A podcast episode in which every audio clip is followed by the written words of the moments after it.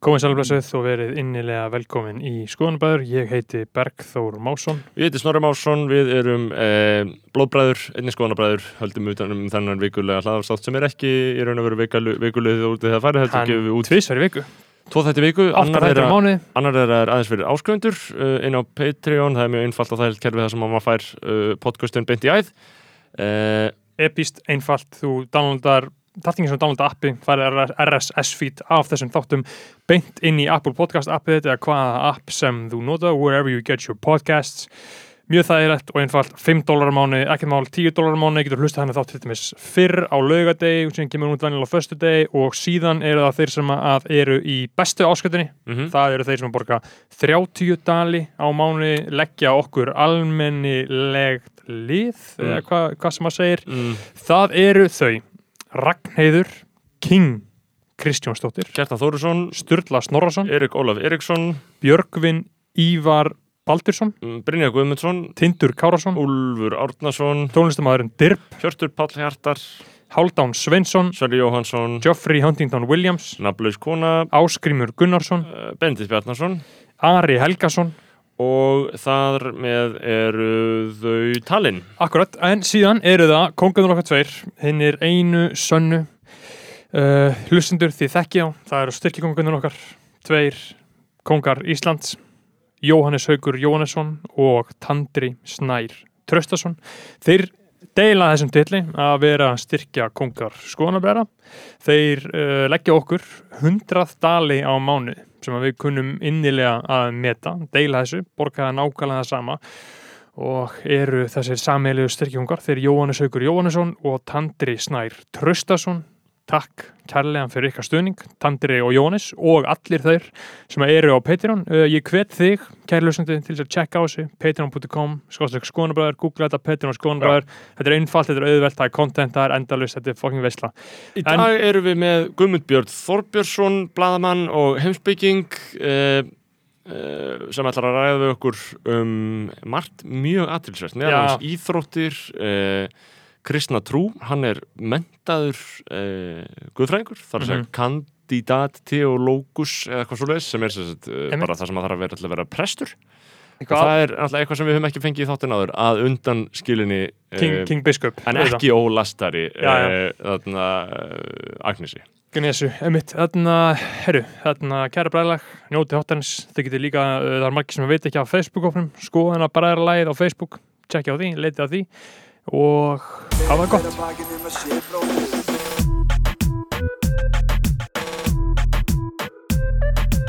Fyrir hver að bakið um að sé bróður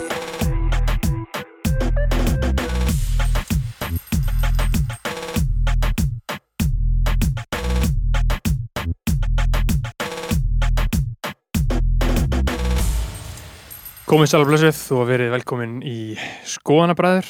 Katma Vaukunar er Guðmundur Björn, uh, Guðfræðingur, uh, fjölmjölamæður, uh, heimsbyggingur, hitt á þetta. Fólk þekkir hann kannski úr heimskviðum uh, núna upp á síkasti sko, en síðan var náttúrulega líka hlaðvarpsserían uh, Markmanns hanskarnir hans Albert Camus sem að sló í gegn, mætti segja. Ég man, ég hlustaði á hana sem antisportisti allt mitt líf þá þarna uh, rataði þetta einhvern veginn til mín ég man til því og ég tók svona uh, tveggja veikna tímabil það sem að ég þarna, var á YouTube að skoða Messi, Mörk og hitta þetta. Og svona einhvern veginn byrjaði að fíla íþróttir smá í svona tvær veikur sko. Síðan uh, uksu uh, æsku tráman aftur Mm. á, á sinn stað í líkánum á mér sko. Uh, svartu svona litlu gerfi graskúlunar fóru á sinn stað og legglífarnar, minningarnar af þeim komið tilbaka. Þannig að þá svona hefur þetta uh, er ég nokkuð veginn komin aftur í sömu stöðu. En núna eru við komin með því hérna Guðmundur. Takk og mér langaði bara að spurja þig svona, ég meina, hvað íþróttir? Hvað hva, hva, hva, hva máli skiptir þetta af hverju er þetta? Er reyndar sko til þess að skjóta þess inn í, þetta er ekki alveg rétt svo að segja því, ég Mm. hitti því í rektin um daginn, Já, mm. einmitt. Þannig að þú ert greinilega auðvitað er, er það íþróttir það? Jú, ég, Já. En getur það ekki? verið í ræktinu? Já? Ég, ég titla mig líka sem antisportista Já. sem ég held sko að sé ekki gott fyrir okkur pólitíspekki að vera að segja svona oft. Ég á ekki að segja fólk, ég held að sé, Mm. ég, get, ég drep oft sambönd svona áður en ég kynnist fólki bara með að segja ég sé antisportisti. Já, þetta er pínu óþólandi sko Já. Þetta er svona, þú veist, svolítið pretentious eða eitthvað segir þetta Uh, Og og, það er ekki sjónvarp ég mynd, Já. já, en sko ég segi þetta, En, en, en ég viðurkenni að þetta sé út af djúbstæðum æsku áföllum. ég er að segja, ég er að Sem segja þetta frá lágum stað. Já. ég er Já, að já. koma, ég er að horfa upp þegar ég segi, ég er Já. antisportisti að því að ég bara, Þið voru báðið lélegir í ég er Ég bara var mjög lélur. Ég, var- ég var í deliði. Já, ég var bara, það lág við að ég væri bara barinn, sko. Já, ég skil Eh, Þá, þá skil ég þetta alveg Veist, þa þannig að þetta kemur Já. allt þaðan er kemur það, finnst þið það ekki skárra en ef ég væri yfir þetta eitthvað svona, skilur, að hafa mig yfir þetta svona Jú, jú, jú, það er, Mm. það er það sko Því að ég, þú veist, ég fór alveg á þann stað á, á einhverjum tímpúnti þar sem að ég reyndi að gera lítið úr áhuga mínum á íþróttum Já, að mér einmitt. fannst það ekki nú svona töff Mhm. og Einmitt. svo kom ég bara aftur tilbaka til þeirra að Komin heim. ég, Já, ég sætti mig við að þetta er bara ég ég er bara, Já. bara svona bólur inn við beinið sem Mhm. að hef ótrúlega gaman að horfa á íþróttir einmitt, en, en svo, svo ásinn alltaf stað ákveðin svona intellektualisering á íþróttakonseptinu sé, sérstaklega síðar árum einmitt bara fígurur eins og þú og, og fleiri bara á Twitter og sem, einhvern veginn umræðan er orðin þannig að það, er svona menn hafa verið að skila skömminni. Það, það, það má bara tala um íþróttir á svona intellektual nótum líka, skilur Já, þannig að einmitt, ég, ég fór náttúrulega að hafa kannski svona áhuga eða þú veist mér þótt alltaf mjög gaman að lesa til dæmis hvernig hérna blaðamenn Guardian skrifuð um fótboltaleiki. Mhm. þá fór ég að sjá svona í fyrsta sinna að það var hægt að tala um íþróttir á einhvern svona estetískan hátt. Mhm, Já, og, og, hérna, og, og, og svo er náttúrulega, þú veist, það hefur verið bækur skrifaðar um þetta og svo þetta bíómyndir og annað sem, sem sína íþrótt, íþrótt er náttúrulega svo ótrúlega hérna, stór hluti á okkar, okkar samfélagi og okkar heimi að, að hérna, það er náttúrulega fáralt að taka það út fyrir sig og, Mhm. og, og geta ekki litið það sem eitthvað svona aðra listform líka. Já, Mm, já, ég, ég, ég held nefnilega að, að á vissan hátt fari maður að misvið ímislegt, sko, að geta þetta er heilt sko. listform sem ég bara, þú veist bara veit ekkert, skilur ég er bara idiot, skilur ég bara skil ekkert hvað gerist, sko, eða hvað, hvað það þýðir eða, eða og ég finn ekki fyrir, og, og það sem, sko, sem meiru varðar er, sko, ég, ég, ég, ég ger ekki ráðferðir að ég sé kannski endilega, þess að ég harma ekkert eitthvað sérstaklega e, þá vitsmannulegu sko fróun sem ég er að fara að misvið heldur kannski frekar e, bara tilfinningar sko af því að ég veit að þetta býr til góða tilfinningar hjá fólki sko Já, alveg rosalega góð Þú tilfinning veist. og hérna, eins og að fara í ef maður ef maður er þeirra gæðu aðnjótandi að njóta þess að spila þú veist, fótbolta eða körubólta ef við Mhm. nefnum bara eitthvað tvent sem ég veist gaman að gera Mhm. bara fara í, í bolta, þá hérna er það er svo ógeðslega gaman sko. og Já. þú veist, það er svo þið líður svo vel eftir á og þið líður svo vel með þú veist að gera það og þú sért tókst að lélugur og allir í liðinu séu lélega líka og eitthvað, Mhm. eins og kannski venjan er þegar maður er komin í 30 og þú veist, er ekki að gera þetta neitt alvöru. Mhm. uh, já, það er bara svo þetta er bara svona rosalegt eitthvað hvað kallar maður, endorfín flæði Mhm. einmitt. Um, og þessi klefi og allt þetta. Klefin líka skilur af því að e, meira segir svona bumbubólta, það er líka Já. eitthvað svona klefi sko. og bara umræður skilur og, og að geta sko male bonding, bara hitta, hitta aðra menn. Hitta það kallmenn sko og tengja við þá bara gegnum þetta skilur, þau þurfið ekkert að vera með neitt annað, þau eru bara í veslunni þarna skilur þú veist uh, þú þarft ekki að vera sammóla einhverjum um hvernig sem það er hugmyndafræði eða stjórnmál eða, eða viðskipti eða eitthvað dæmi eða einhverja svona grundallar hugsunir í lífinu en þau eru bara saman í boltanum það er allir ferskir og menn eru vinir sko. Uh, ég held að það skemmið fyrir mann að geta ekki tekið þátt í þessu sko. Já, ég, já, ég held að það sé svona þú farir að missa eitthvað, bara Mm. eins, og, eins og með mig og tónlist. Já. ég hef aldrei kunnað Mm. að spila tónlist. Eða, veist, það er bara eitthvað sem er ekki hluti af mínu lífi. Bara alltaf hlusta á tónlist. Jú, ég hlust á tónlist. Já, já. en, en veist, ég er ekki tónlistamæður Nei, ég hef einmitt. enga svona, veist og, og ég hugsa alltaf, æ, mikið væri nú gaman að geta, spila á gítar Mm. eða píano Mhm. eða eitthvað. En þú getur auðvitað að fara í kór til dæmis. Já, en þú veist, það væri samt ekki eins þú veist, ég væri til að vera músikalskur já, Mhm. einmitt, já, að því að mér finnst það að vera eitthvað svona einhver heimur sem bara, þú fær ekki að taka þátt í og ég sætti mig alveg við það, sko. Já. það bara er ekki, einmitt. er ekki mitt Já, það, það er svolítið svipum með mig og íþrótunar en ég spilaði sko, uh, ég spilaði körbóltaleik síðustu sumar. Uh, og æfði smá fyrir það. Spilaði körbóltaleik í dýrafyrði þetta var uh, núbverjar á móti þarna, uh, starfsfólki, kvikmyndirinnar uh, sumarljós þarna, Jón Kalman myndinar Mhm. Spilaði á móti krúinu þar uh, nokkrir menn sem að uh, höfðu aðsetur, sumar aðsetur á núpi í dýraferi, spilaðum á móti spilum á móti svona kvikmyndakrúi. Þetta var rosalega stemming, þetta var bara áhörundur og þetta var bara skipulaða leikur. Og þá svona svolítið, komst ég í snertingu við þetta. Svona uh, af hverju þetta skiptir máli og af hverju fólk gerir þetta.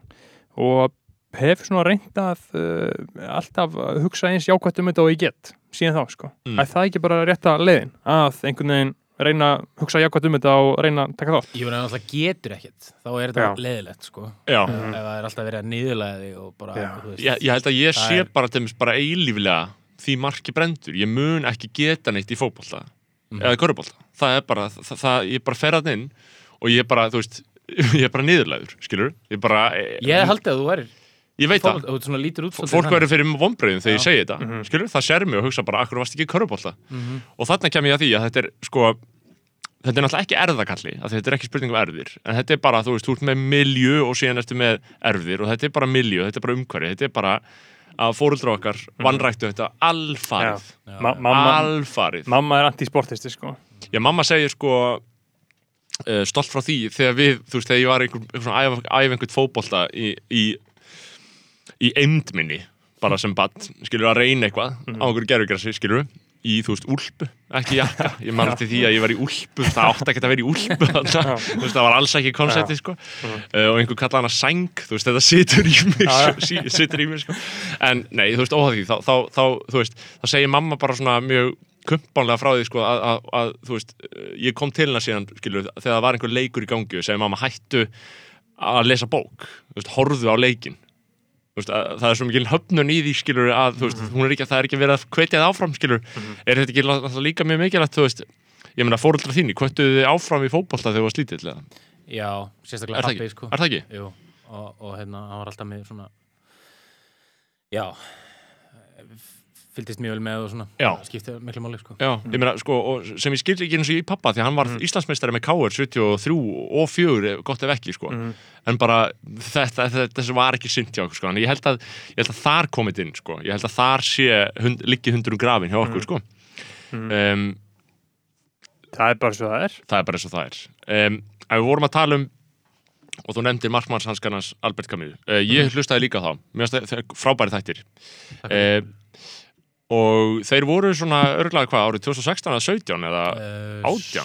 17, 17 kannski, Loka já. 17, já svona eitt af því kannski fyrsta sem svona dreif á mínar fjörur sem e, bærilega svona áhugavert útarsefni kannski frá rúf sem fórin að hlaðvarpsveitur og maður einhvern veginn svona fjekk, mjög ekki, mannstu ekki, manstu Jú. ekki eftir einhverju svipur tilfinningum með þetta byggi var það, var það ferst og nýtt einhvern veginn konsept, þetta var alltaf líka útarsáttur eða ekki, Jú, hann var í línleiri dagskrá Er það ekki? Líka, jú. var á seitt Mhm. já, En hann var náttúrulega og ég held að þannig hafa hann kannski náð til svona hlustendóp sem ég bjóst ekki við hann myndi náð já, einmitt en hérna, ég held að hann var samt, ég planaði samt alltaf að hann er svona nummer 1 og 3 í podcasti já, Jú, Rú var ekki mikið held ég að pæla í þessu podcast að, eða, veist, það hefur ekkit verið neitt rosalega markvist sko. Nei.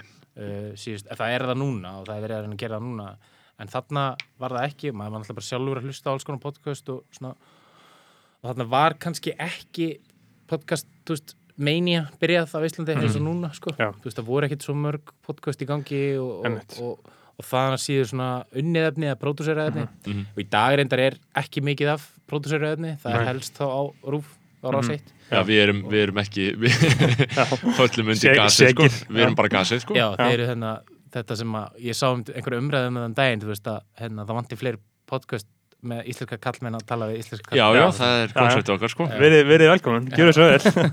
Skoðanabræður síðan en, 2019 en, en, en mér finnst þetta áhugaverð umræð að svo er ég gripið frá mér hérna en þú veist, málið er bara það sem, að, mér, það sem heitir er fattikjalið þegar þeir tala um þetta þannig að ég hrútskýri það fyrir ykkur þannig Já. að fólk- á Twitter það er þetta góða við podcastið. Það að við séum hérna, ekki endilega bara kallmennir en að við séum hérna, jú, eitthvað smá undirbúnir en almennt við vitum ekki hvað við erum að fara að tala um Já, næsta algjörlega, klukkutíma. og algjörlega. það Þetta er það sem að fólk sækist í Þetta er er þetta svona konsept en, en þú veist, unniðefni sko, sem er með handriti og eitthvað svona dæmi, Einmitt. það er bara, það eru tveir ólíkir hlutir Þetta eru tveir ólíkir hlutir og mér líður allt eins og það sem svo tala niður að, Já, að einmitt. bladra, bladrið, en bladrið er það sem fólki sækist í sko. Nei, þetta er einfallega annað listform, ég meina því að ef þú hugsa líka bara til þessum sko byr, þú veist að því að ef einhver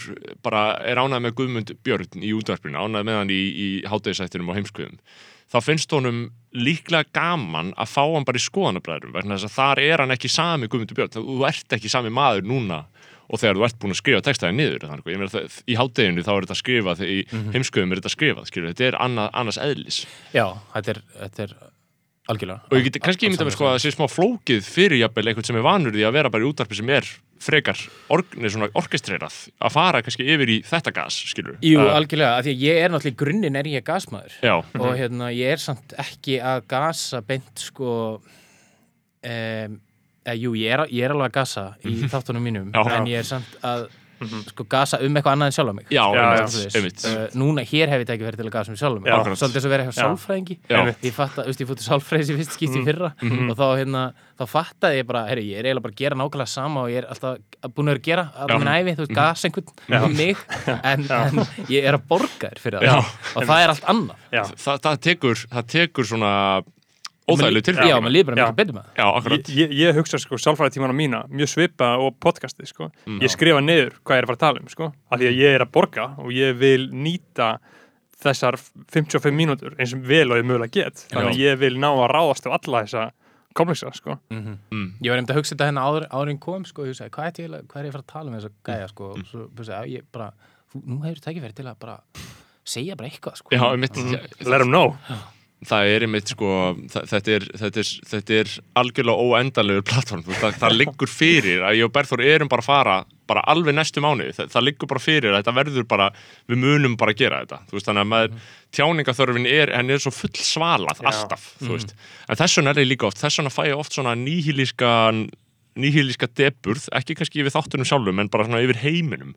Bara að því ég segi alltaf allt sem ég hugsa. Það vita allir hvað Já, ég er að hugsa, já, það er engin lindatómur yfir mér. Nei, það er engin mystík engin mystík, ég, ég myndi ekki að segja það. Ég, meina, veist, ég veit ekki hvað fólk ætti ekki að vita um mig eftir að það hefur hlusta á nokkra ég þessum sko. Þið fáið það hins vegar sko, í veist, þar er svona eitthvað einmitt að það er eitthvað svona, ok, núna er hérna Guðmundur Björn bara í viðtali hérna, núna er einhver önnur hlið á skilur ekki já. bara útvarpið og Bói Ágússon í viðtali eða hvernig sem það er, svo skilur megum við líka aldrei segja það sem okkur finnst sko, en, en við náttúrulega hérna, gerum það samt. Ég en, en það. er mjög svona söll sko, svona varpað báðum hliðum og svona kannski mm blæbriðin í svona þetta greina hérna, hvort þú hallast meira til hægri eða vinstri eða hvort þú sért trampar eða ekki sko, Já, er, bara- en svona, þú veist. Þú veist, ég, ég hlusta á útvarpið og ég er bara með kveikt á morgun útvarpinu leiðin í vinnuna í bílum mínum í umferðinni og þá er Jóhanna Vigdís Hjaltadóttir eh, bara nummer eitt king fréttakona á Rúf um, hún er núna byrjuð að vera með innslöð þarna í morgun útvarpinu hjá, hjá þarna, Byrni og Þórunni. Og þá talar hún svona einmitt svolítið tæpitungu lausara eða svona frjálsleira formi um þingið, af því hún er þingfréttaritari Rúf og hún bara be, ber bara hitan af því öllu, hún sér bara fyrst og svona aðal þingfréttari rúf og þess vegna er náttúrulega auðvitað mjög áhugavert að vita bara, þú veist, heyri eitthvað, heyri eitthvað frá henni um þingið. Og hún talar það er mjög sérstakt það sem hún er að segja þarna því ég er bara búin að hugsa um þetta, skilur, ég vona ég gasi eitthvað bara eins með þessu, skilur, ég er búin að hugsa um það sem Jóhanna Vigdís er að segja þarna. Mm. Og, og ég vona að þú verður ekki reygin fyrir að ég segja eitthvað um Jóhannu Vigdís í þættinum. Ég, ég elska Jóhannu Vigdís, hún er king. Um, já, ég líka. en hún tala skringilega. Hún, hún, það, hún tala til dæmis um að veist, hún má alveg segja að veist, hún, hún tekur mjög sterklega til orða um að Íslendingar eigi að virða alþingi við eigum að elska alþingi uh, Íslendingar eiga að bera virðingu fyrir alþingi veist, eitthvað, og, og hitt á þetta og ég er eitthvað svona, hm, er þetta ekki pólitísk skoðun? þú veist, ég fór eitthvað að hugsa hm, veist, e, hvað er pólitísk skoðun? og síðan, þú veist, síðan er hún líka að tala um, þú veist, ef hún er að tala um miðflokkin og þegar miðflokkurinn, þegar Simdu Davi fyrir að rífast við einhverja um uh, flottamannamáli eins og hann er búin að gera núna síðust dag þá náttúrulega er þá geta fréttamenn rúf ein, þá getur enginn setið á sér sko. Þa, það, það, þá, þá bregðast fréttamenn rúf finnst mér líka oft sko. Bergstedt var líka með etna, Þorstein Sæmundsson í vikulókunum í morgun bara þannig ég haldi að fara um að gasa veist, og þá er svona, veist, þá er þau get ekki skilur þá er það bara eitthvað svona það er ekki hægt að vera hlutlaus einhvern veginn, Mm. þegar þú þarft að nema að væri bara, þetta er bara svo þjóðverðir í stöðu með AFD skilur, Mm. þar ertu með ofnbæra miðla og þeir eru að taka viðtölu AFD og þar meigaði hjól í þá, sko, það eru ákveðin mörk fyrir að hvers, hvernig það var hlutlaus, er það ekki? Jú, en það er samt ótrúlega mikilvægt sko að þú, því, því að það er, það er rosalega auðvelt að vera ekki hlutlaus en undir svona réttum formerkjum að gæslapa, hérna, náttúrulega Íslandi svona, að mínum viti frekar þröngsýnt samfélag, Mhm. lítið og þröngsýnt og, og það rúmast ekkert rosalega marga skoðanir hérna, þú mátt ekki þú mátt bara ekki hafa ákveðna skoðanir. Eða, þú veist, það er mjög erfitt að viðra þær og, og það ásir sjaldan stað einhver svona alvöru intellectual umræða um uh, einhver deilumál. Uh, það er, þú veist við erum á þessari skoðun, við erum búin að komast að þessum hlutum, ég ekki að nefna eitthvað eitt, eitt eða eitt sérstætt hérna uh, og þess vegna er, þú veist, það er auðvelt að taka þá afstöðu sem fjölmjölamæður og við tökum til dæmis bara Donald Trump sem dæmi eða eitthvað þannig, þú veist það myndi, það myndi opaslega fáir segja eitthvað ef að við verðum bara endalust að flytja fréttaflutning að eitthvað hans er mikil hálfviti sko. Mhm. Eh, það er einhverjir svona það er einhverjir, hérna, einhverjir alltrætt incel kings sem Já, myndi, já, já. sem myndi svona hérna, uh, þú veist, vinstri slags er rúfi eitthvað og það myndi ekki hlusta á það sko. Einmitt. en, en þá verður þeim sjálfur að geta sett þessi mörg og sagði bara, mm ég, við verðum að hérna, fjallum þetta og sangja þann hát mm það eru hérna yfir 70 miljónir sem kjósana mann og, og Akkurat. þú verður að vera bara já, hlutlaus. Að þessu leiti en svo líka varandi Jóhanni Veitsi og boga á svona típur þau eru á allt öðru stað. Hún má alveg segja hluti sem Já. að ég get ekkert sagt Akkurat. sko. En Og meina hvers kannski fyrir, það er bara vegna þess að hún hefur bara þá veikt þú veist, og hún er bara það virt og hún er það þú veist, ég meina, ég sé Helgi Seljan var hérna líka og svona. Og, og það er, það er bara innistæði fyrir því.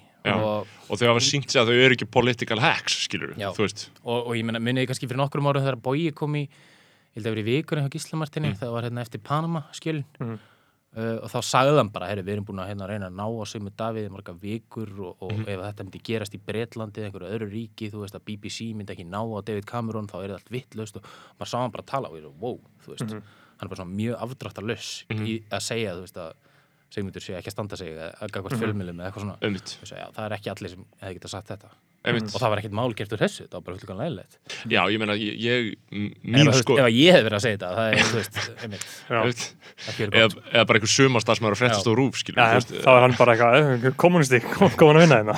Já, en ég held líka að mín skoðun væri svo, ég myndi helst vilja að allir fengi bara að segja alltaf bara nákvæmlega það sem þeim síndist, sko, en vissulega, en vissulega finnst mér þetta líka alltaf bara spurning um pródúkt, skilur þú veist, þegar ég fer inn á rúf, eða þegar ég fer inn á vísi þessuna, eða mbl.is eða frettablaði.is eða hvernig sem það er, þá er ég ekki að fara þangað því ég vil sjá skoðanir einhvers 25 ára blaðamanns í, inn í fréttinni sem ég reyna að lesa frá hann. Ég vil bara svo sirka að hann reyna að koma sér frá sér án þess að blanda sjálfum sér of mikið í þetta, skiljið hvað við.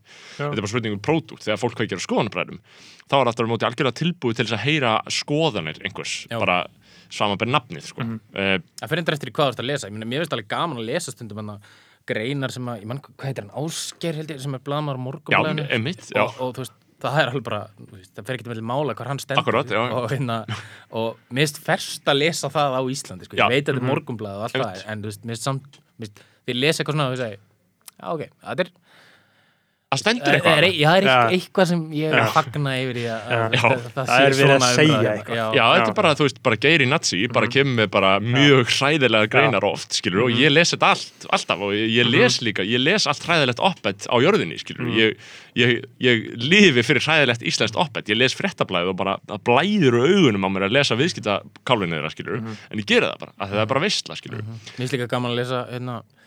Jakob Bjarnar sko, mér finnst það skemmtilega já, af því að, akkurat. að það er líka bara svona ótrúlega sérstakur stíl já, einmitt, þannig að Svo, hann þú gerir veist- sjálfan sig að, að viðfangsefninu og, já, og, og alls er konar líka bara, gott í gangi, sko. alls konar svona bara stránglega stílfræðilega atriði, sko, Já, setningarnar eru svona stuttar um sagnarlausar, þú veist. Það kemur bara punktur og svo kemur bara sem sagt, eitthvað, þú veist, mm. svo skrítið sko, get ekki, þetta fari í stílfræðilega greiningu á Jakobi Bjarnari já maður ma ma les þrjá setningar og veit þetta er hann, sko. já, og fyrir Oftast. sagnin yfirleitt svona bersinlega sko um, Einmitt, en mjög svolítið áhugavert sem að, na, að segja með uh, Jónu Vittissi, að hún var að hveita fólk til þess að bera virðingu fyrir alþingi Mm.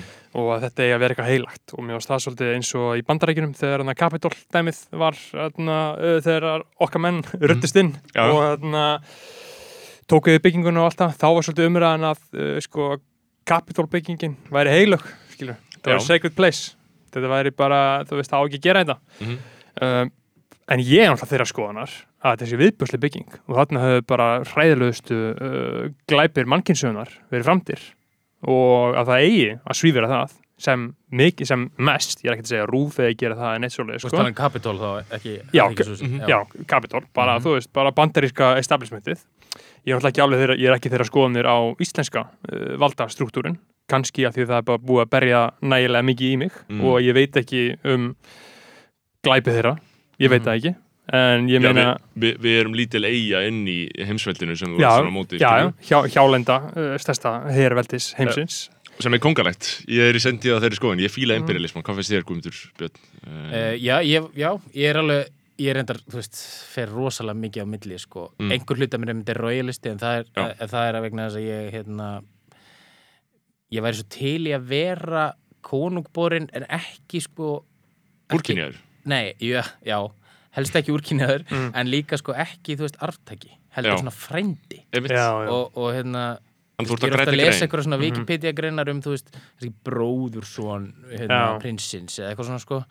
Og já, en allavega mér finnst hérna ég ég er með smá softspot fyrir kongafólki. Já, eh, en svo er ég líka samt á sendið orðin alveg svolítið svona anarkisti sko. Mhm. og, og mér finnst svona allt svona bóðvald og, og, og svo leis það er fyrir að fara meira meira í töðunar á sko. Einmitt. þannig að ég, ég rokkar rosalega ég get alveg sagt það sko, ég rokkar rosalega á Þú veist, einhver hluta mér er bara nýfrjálsöki maður, annar er Já. kommunisti og svo er ég stundum, já, svo er ég, ég er eitthvað svona, ég veit ekki, ég er að breytast í eitthvað pólitískt úrrak. já ég, ég held að það gerist við alla sko. En mitt, mér finnst betra að vera eins og Trump en að vera eins og Biden í utaríkismálum, skilur, segja Mm. beint út, yeah, we're gonna nuke, we're gonna, uh, we, yeah, we- we're gonna drop some bombs on Libya, skilur, bara, yeah, they're just serving, man, they're, they're idiots, Já, fucking pricks, sko. Í að Biden, um, come on, man, come on, man, come on, man, Þannig í, staðan fyrir að ljúa, mér finnst skárað að vera eins og Trump, segja bara beint út, já, bara við erum hausveldi og við erum kúrar og við En það er sko að þú varst að tala um svona uh, kongafólk, það er sko víða í Evrópu eru ennþá leifar af bara því sem virðist hafa verið, sko, því sem það er nokkuð mikið af því sem virðist bara vera leifar lénsveldis svona fyrirkomulegi sko, það sem að fólk var bara, veist, þau voru bara eitthvað svona einhverju barónar og eitthvað, mm. bara í Östuríki og Þískalandi og Spáni, þú veist, á þessum stóra meginlandi, þar eru allt morandi í einhverju svona, einhverjum sirka erfingjum einhvers kjaftaðis út um allt Ég sko, sem- svona strák sem er, uh, sko, Habsborgari. Já, Habsborgari, þú veist, sem áurugla bara einhverja villu einhver stað, skilur, bara þau áttu svo fokki mikið, skilur Ég held að það sé mjög gaman, sko. Já, Já. hún, hún er geggjuð þarna uh, nýjasta Guy Ritchie myndin, sjáðu hana? Nei, uh, ég man ekki hvað hún heitir. Hún kom í bíó fyrir svona uh, tveimur árum eða eitthvað svoleið sko. Mm. hún er svo bara í gerði í svona snats stíl. Já, svona, hann þetta svona, Matthew McConaughey. Já, Matthew McConaughey hún, hún, er einmitt um þessa aristokrata sko. mm. þrið, þriðju kynnslóðar svona bresku aristokratana sem eiga einhvern kastala skilur, þeir eiga landið og allt þetta en þeir kunni ekki að monetæsa þetta. Þú veist, þeir, þeir, hvað, hvað heitir myndin? Getur Ég veit um, já, ég get googlað. Þarna, En við, við, við víkjum að því síðar, ég nefn ekki að googla þetta Ég veit ekki eins og hvað ég á að googla. Já, Guy, Ritchie New Movie allt. Myndi þetta það- gerast í framleiðslinu hjá ykkur í hátæðinu á rúf Já, uh, Svona moment. já, myndum við einhvern veginn svona, já, ó, ó, já, sko, reyndar, hluti hátægisins er, Er er, í bytni, sko. Já, Já. einmitt. Og hérna, við erum eitthvað með pistla Já, uh, fyrir, fyrir þess að prómó hérna, uh, fyrir hátægisveitir og eftir hátægisveitir. Einmitt. Þáttur er nýbyrjar, hann er kannski ekki allir sem kveikja á hann. Nei, já. Og hann er í, sko, podcasti kliftur. Já. Við erum að Engar vera með auglýsingar. svona daily concept, já, engar ölsingar, engar hátægisveitir, Já. bara pistlarnir, sko. Mhm. uh, en við erum alltaf hluta þáttar eins í beinni þú veist, þú veist, við kynnum inn þáttinn og svo við þurfum að brúa eitthvað svona bil á milli og svona þá getur nú slísin gerst sko já og hafa gerst Er þarna, já, þarna ég einhvern veginn áttu eitthvað erfitt með að kveikja á læginu og eitthvað svona al, alveg Er, er, er hátísveitnar inni í podcast-produktinu? nei, nei, Nei, það er bara þið. út, Já, bara við. Um, Það- þannig að það er bara svona 20-25 mínútur Uh, Ég mæli Já. með því fyrir þá sem uh, vilja fresh, happy news þá er það bara hátið, það er gott. Ég hef ekki hlusta á podcastinu, ég hlusta alltaf bara á kl. 12 Mhm. þegar yðurlegur reyndar hátíðsveitir bylgjuna fyrir mér. Já, það er gott. Þeir voru að reyna það ekki? Já, svona, Já, nei, nei, nei, alls ekki. Alls ekki.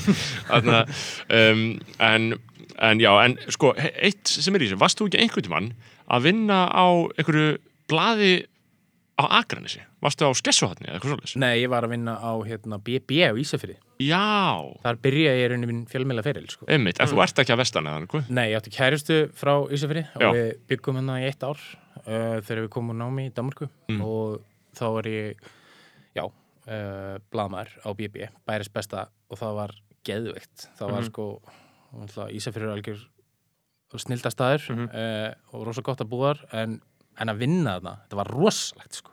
Já, þetta hvað var, segðu við frá vorum, því? við vorum sko með átta við höfum að gera sko átta fréttir á dag um, á, sko, tveir blaðamenn Mhm. átta fréttir á dag á Ísafjörði sko, þetta er, Ísafjörði, einmitt. þú veist, af fyrir vefin bara um Ísafjörði og Vestfjörði Já, Vestfjörði og eitthvað svona sí- kjálkann. og 7000 manns á Vestfjörðum Einmitt. og hérna þetta var svona þetta var ein mesta svona, ég, var, ég er aldrei unnið mikið að æfinni eins og, eins og þannig sko. bara sjátt á hérna Sigurjón sem þá var reittstjóri hann, ég hugsa oft sko ef hann væri Hvað var þetta Sigurón M. Egilson eða? Nei, nei, það var ekki hann en, en hérna Sigurjón Sigursson heitir Já. hann og hann, sko ég hugsa oft ef hann væri sko doktorsleipandi minn, Já. þá hefði ég klárað doktorsleikinu mína fyrir sko mörgum árum Já, einmitt Það vantar, vantar kannski þróttin Já, vantar bara einhvern mann sem að bara, þú veist, berið áfram sko. Já, en, er já, en þú veist, Ís, Ísafjörður hvað er, hvað er, hvernig myndu lýsa því samfélagi? Hvernig er það miða við aðra Eh, hluta uh, ég, nú er ég Hvernig er stemmingin? Ég er alveg upp í, í Borganesi eða Borgafyrði á Mýrunum, Mhm. Borgamýrum og hérna sem að er Borganes er og Ísafjörður eru tveir og algjörlega ólíki staðir Mhm. og, og Ísafjörður er sama kjördæmi. Já, einmitt. Og ég, ég held þetta að segja þannig, ég pælt mikið í þessu. Ísafjörður er nógu langt frá Reykjavík til að þar þarf að þrýfast uh, bókabúð, kaffihús, ákveð menningarlíf uh, barir, þú veist Mhm. eitthvað svona, hann er líka nógu stór að búa yfir þrjúðust manns þarna uh, og það er líka einhver svona hefð það er hefð fyrir einhverju lista og menningarlífi sko. Mhm. og mjög öflug tónlistaskóli og þess áttar Mhm. þannig að ég hefur alltaf verið það, eða ég held það allavega, ég er náttúrulega ekki að vestan ég bjóða þarna bara á, þú veist, varanum tíma þannig að það þrýst eitthvað svona eitthvað stemning þarna Mhm. og, og ungt fólk sem býr þarna líka flytur aftur uh, en svo er svona bara eins og borgarna sem að er, þú veist, þegar ég var krakki ég bjóð þarna sko áður en kvalfjöragöngin Akkúrat, til, þá var, þá var þetta meira svona eins og svolítið sveit, sko. Mhm. nú er þetta held ég orðið svolítið svona eins og útkverfi frá Reykjavík, ég held að kjarni sé svolítið farin, svona einhver bæjar stemning eða eitthvað, ég, ég, ég held það. Ég er náttúrulega á, Þú óttast það. Já, ég óttast það, já, Já. og það, en það er að, því sögðu þá hefur aldrei nýtt þrifist sko í borgarns, það hefur aldrei þú veist, það hefur alltaf bara verið eitt bar, mér sé að dússabar þú veist, ég þið hafið vantar aldrei farið á hans Nei. sko, Nei. en það er, hann, hann var að loka núna sko og þetta Já. er algjör sorgartíðindi sko Já.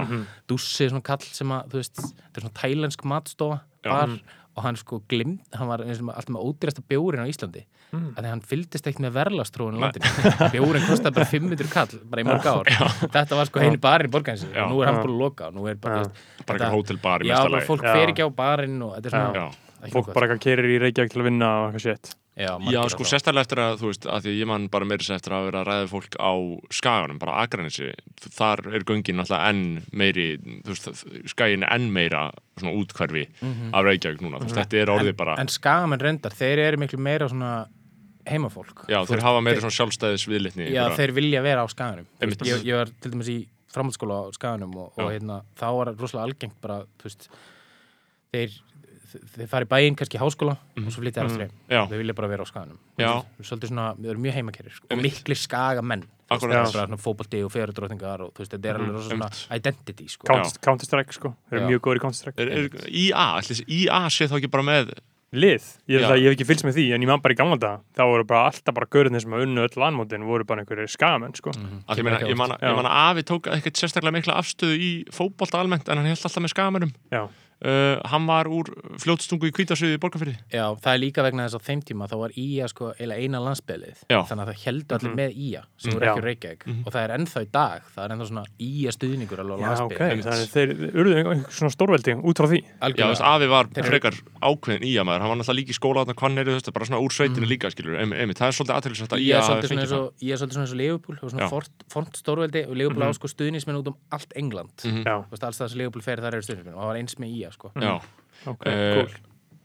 En- það, það er merkilegt, hvað voru að tala um eitthvað? já, þú veist að þú Ísafjörð. spyrum út í að ég hef byrjað sem blaðmaður á skessuðum Já, Já, það var já, já, og, og, og, bara Ísafjörður almennt uh, Ég elska vestfyrði, Já, ég elska vestfyrði, ég var eitthvað að búa þar, er ekki gott að búa þar? Hvað Jú. varstu gaman til að bjóst þar? Ég var 26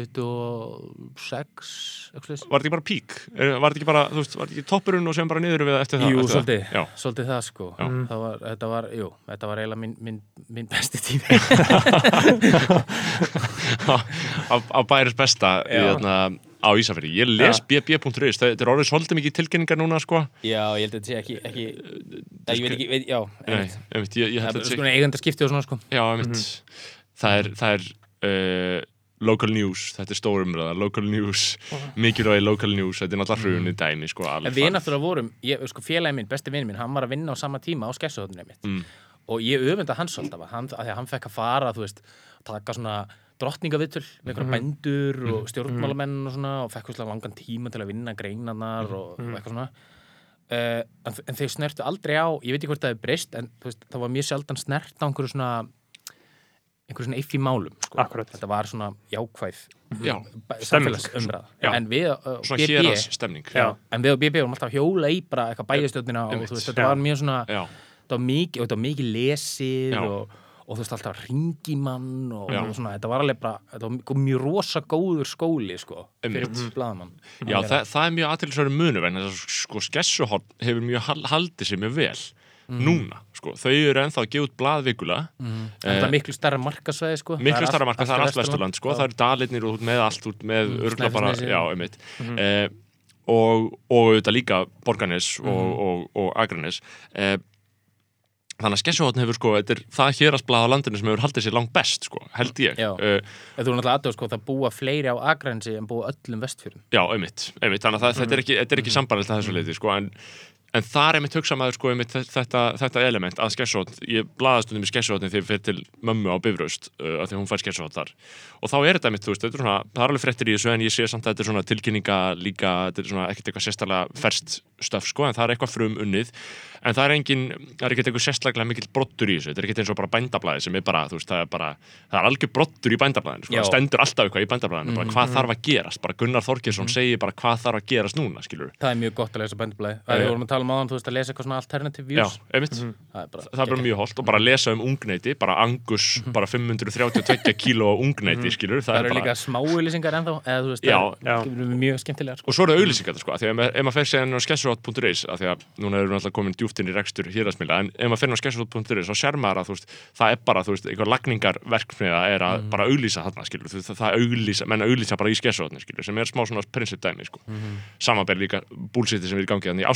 mm Facebook og allt það, dót Já, sem er eins og Google Ads og Facebook er ekki sens í skessuð sko. Nei, Nei. já, ég er að segja það, þú veist, það, það, það er bara að þú fari ekki saman pródútt þar, sko. Mhm. Um, en, en hvað finnst ykkur um það? Þannig að þannig að við ræðum það aðeins áður en við förum inn í aðra sálma, ekki að það, við, við þurfum að fara inn í eina sérstakka sálma. Bara Þessa þróun hérna í Ástralíu, en ég, ég, ég vonar reynda, þú veist, heldur að hlustendur langi að drepa sig þegar ég fer að tala um bara auglýsingamarkaðin og þa- Þetta er áhugavert með Facebook og auðlýsinga og allt það það ekki? og núna alltaf eins og við talum áðan Jakob Bjarnar, hann er að hvetja, hvetja til umræðu um að banna öllum uh, bara öllu sér ríkisreknu og borginu og allt það að nota Facebook já, Jakob Bjarnar hefur verið að segja þetta að- sko í mörg Já. ár. og mér líður þess að það pikka upp aftur núna er Já. alltaf virkurinn á fjölmiðla nördar Mhm. og hann var mikið að uh, mæla með því sem að mér finnst bara mjög freka basic að ríkið og borgin og allar ofnbæra stofnarnir ætti að gera þeir með ekki auðlýsa Facebook Mhm. þurfa að auðlýsa í meðlum ég meina, hvað, hvað finnst ykkur? Akkur, akkur ættu þið ekki?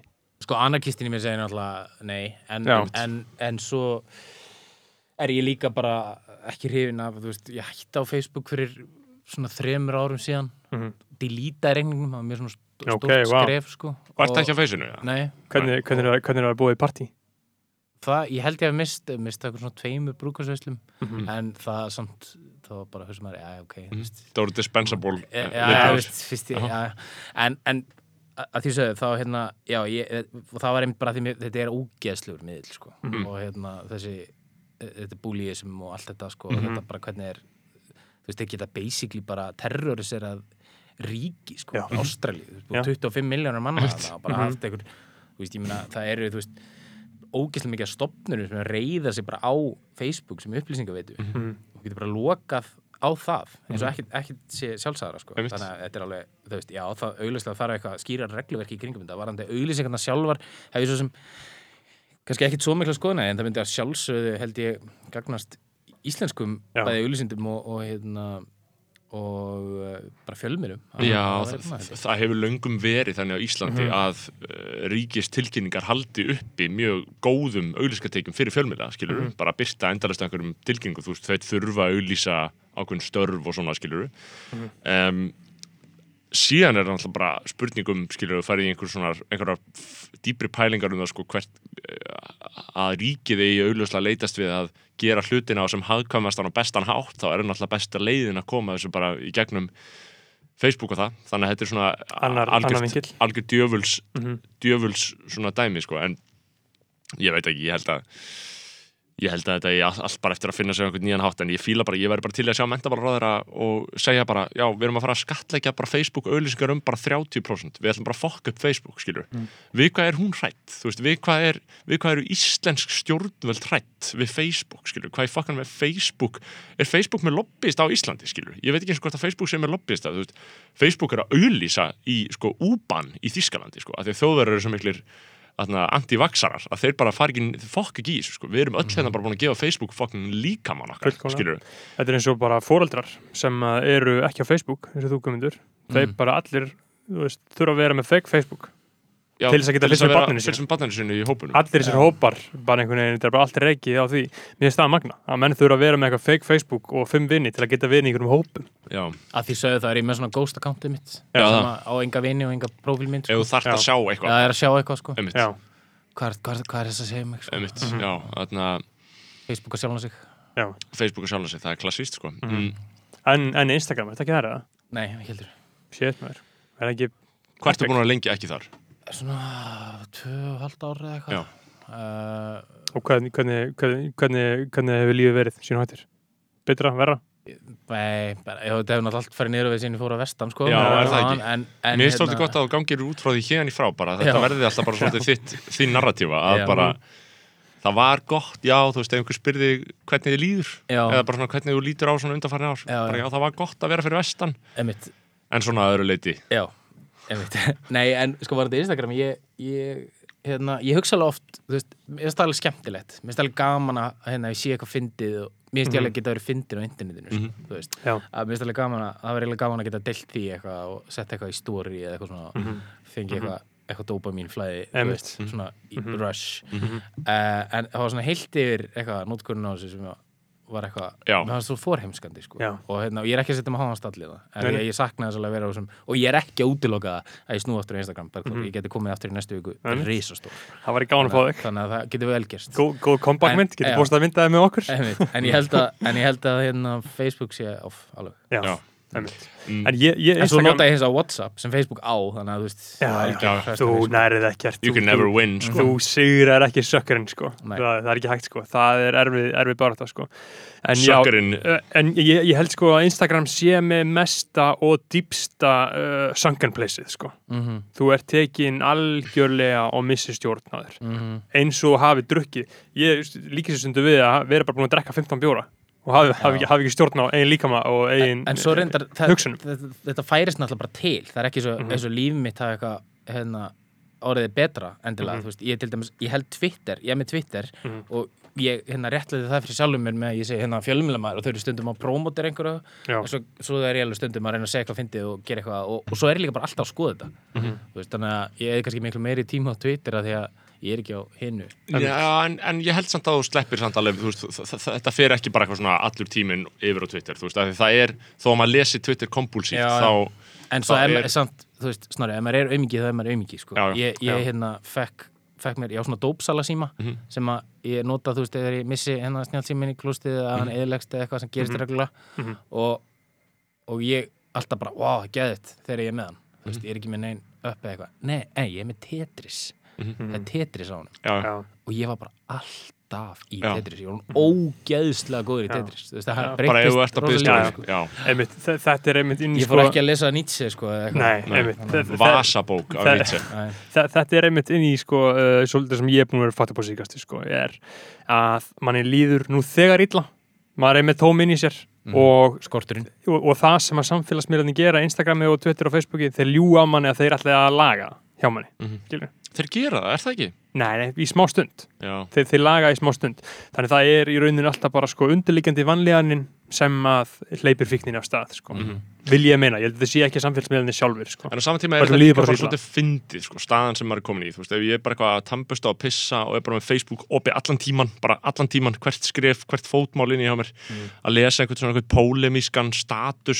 sem er einhver deiling á einhverjum frétt inn í einhvern fucking sósalista flokk Íslands á Mm. Facebook eða eitthvað, maður er bara að lesa eitthvað, þetta er svo algjörlega dystopísku viðbjöð sem maður er komin í bara alltaf hvað sem er, sko. Ég veit ekki hvort ég myndi bjarga mér eitthvað með því að fara ekki á Facebook eða hvort, ég held samt að ef ég, ég væri miklu betri maður ef ég læsi Nietzsche bara alltaf í staðin fyrir Já, þú mynd, myndir ekkit gera það sko. En ef, veist, ef, það sem böggaði mig líka við Facebook var ég var alltaf, ég, ég vita á mikið um fólk sem ég þekkti ekki. Já, og, og hérna, vissi svona enga, enga lífi fólk sko, Einmitt. og, svona, og þetta er að taka pláss í hausnum að þér. Þú veist, það er ekkit sérstaklega mikið pláss í hausnum á Einmitt. nei, og þú veist, maður veit bara einhverju myndir einhverjum bönnum og eitthvað svona einhverjum vandraði í enga lífi fólks og, já. og þú veist Ég þrýst á þekkja því, fólk ég vil ekkert, þetta sko. Ég vil þetta bara random, bara vita mjög mikið um fólk sem veit ekkert um mig sko. Ég elska það sitt Já, Já. mér, finnst það mjög fyndið eins og ma þegar maður hitti gauðra sem eru með þú veist, þarna, deilumáli sem eru fjölmjörnum núna með gangstyrana og morðið í rauðagerði og allt það uh, menn sem eru með það á reynu sko, þeir eru með Facebook screenshot af öllum sko, af öllum mönnum sem að tengja þessu og einhverjum messageum og eitthvað, eitthvað svoleið sko, Já. þetta fer allt fram á Facebook. Mhm. En það er að- svolítið aðriðsvært með svona því við erum, við erum náttúrulega fjölmjölar hafarp í þessum morðmáli þannig í rauðageris uh, dæminu uh, sem er búið að vera endalist í fréttum núna þar sem að uh, Albani var skotin til banna ef einhverju var að hlusta á þetta hérna eftir tvö ár. Um, og það er svona ennþá óljóst hver gerði það en það eru mjög margir í gæsluvaraldi þú veist það eru bara átta eða tíu í bara góðu mm. gæsluvaraldi vegna málsins. Uh, og fjölmjölar eru svona eitthvað og, og ég er bara búin að vera vögt um að reyna að fjalla með þetta mál. Uh, og við erum svona eitthvað að reyna að segja og, reyna að koma með eitthvað svona nýjar og ferska fréttir og reyna að komast að einhverju og grafast fyrir um þetta og heyri þessum og heyri í hinum og veist hvað er nýtt, er, er, er, en svo er maður bara með endalust af einhverjum skjáskotum á Facebook bara með fullt af einhverjum vídjum bara endalust að sitt í umferð.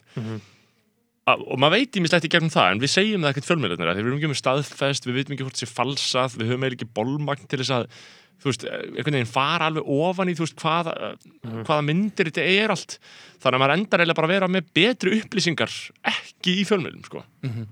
ógeðslega Er bara þú veist, hvað í fokkanum er í gangi skilur, þú veist, hvað þú veist, samfélagsmiðlar, þetta er líka svona mikið dæmi um hvað samfélagsmiðlar eru mikið king yfir öllu öðru, skilur, þetta er bara einhvern veginn En þá ertu líka aftur komin í þessu umræðu, þú veist að þú ert um blaðamann á mokkanum annars vegar og svo ertu hérna snorri skoðanabræður með þessu og þá getur þú sagt allt um þessa, þessi screenshot og þessi vídeo og Akkurat. Já, hér. Lí, lí, leist málið hér sko. Einmitt. farið svo á vaktina á morgun og bara farið í status quo. Akkurat. lítil ábyrðir eins og ég talaði um öðna, slúðurkenninguna, um Pfizer sko.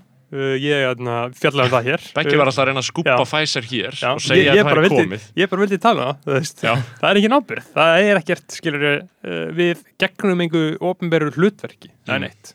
Nei, nei, eins og MBL eða vísir eða rúf gerir, akkurat þannig séð og það þau báða ekkert um það sko.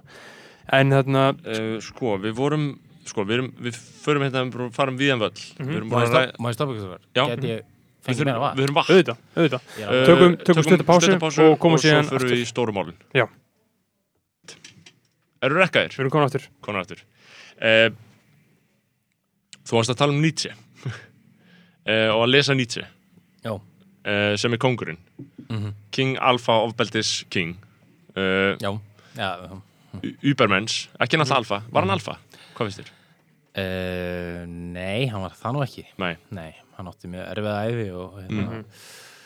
leið ekki vel sko. Nei. og var ekki svona, hann skrifaði náttúrulega um hvernig er að vera alfa? Já, en, já, en náðu ekki alveg tjennilega ekki sagt þessum skilningi sem þið leggja öruglega í það að vera alfa Nei, meil. hann skrifaði um Ubermensið, skilur Já, Ofurmennið, eða ekki ég var yfirmennið, yfirmennið og ofurmennið Yfirmennið, segjum við það í íslensku Það er íslensku, svona, já. já. já. Það má ekki segja þetta orð í Jú, það má Ég held að maður megi ekki mikið segja það í Þýskalandi Ég ætla hann að sagði það einhvern mann í Þýskalandi og hann- vinur minn eitthvað svona Já, Ubermenns er ekki gott orð Nei, uh, Það eru út af nasistunum, sko já, en alltaf sýstir hans, hún var einhver uh, svona nazisti og, og hérna fór eitthvað með það var, það var eitthvað svona, ég man ekki alveg hvernig þessi sagði var Mm. það var einhverja kenningar sem að, var svona, svona kvissust inn í Mm. flokkinn og eitthvað.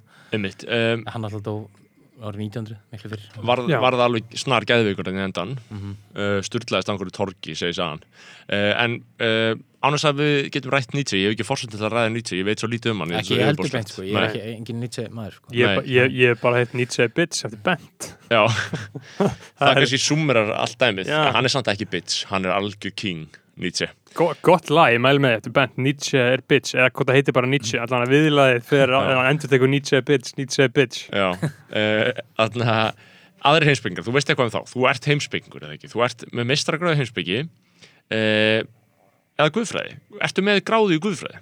já, ég er með, ég er með þess að embætsbrói guðfræði hérna frá HÍ eða Kant Teól eins og heitir það er ekki til lengur en það er í gildi mestargráðu og svo fór ég til Kaupmannhafnar í mestarnámi í heimsbyggi Mm og síðan til Belgíu í doktorsnámi í heimsbyggi Það sem þú ert teoretist er ennþá, ennþá Já, í því, ennþá að djöblast í því já. í doktorsgráðinni Já. uh, en þannig að þú getur verið prestur Ok, og akkur gerur það ekki?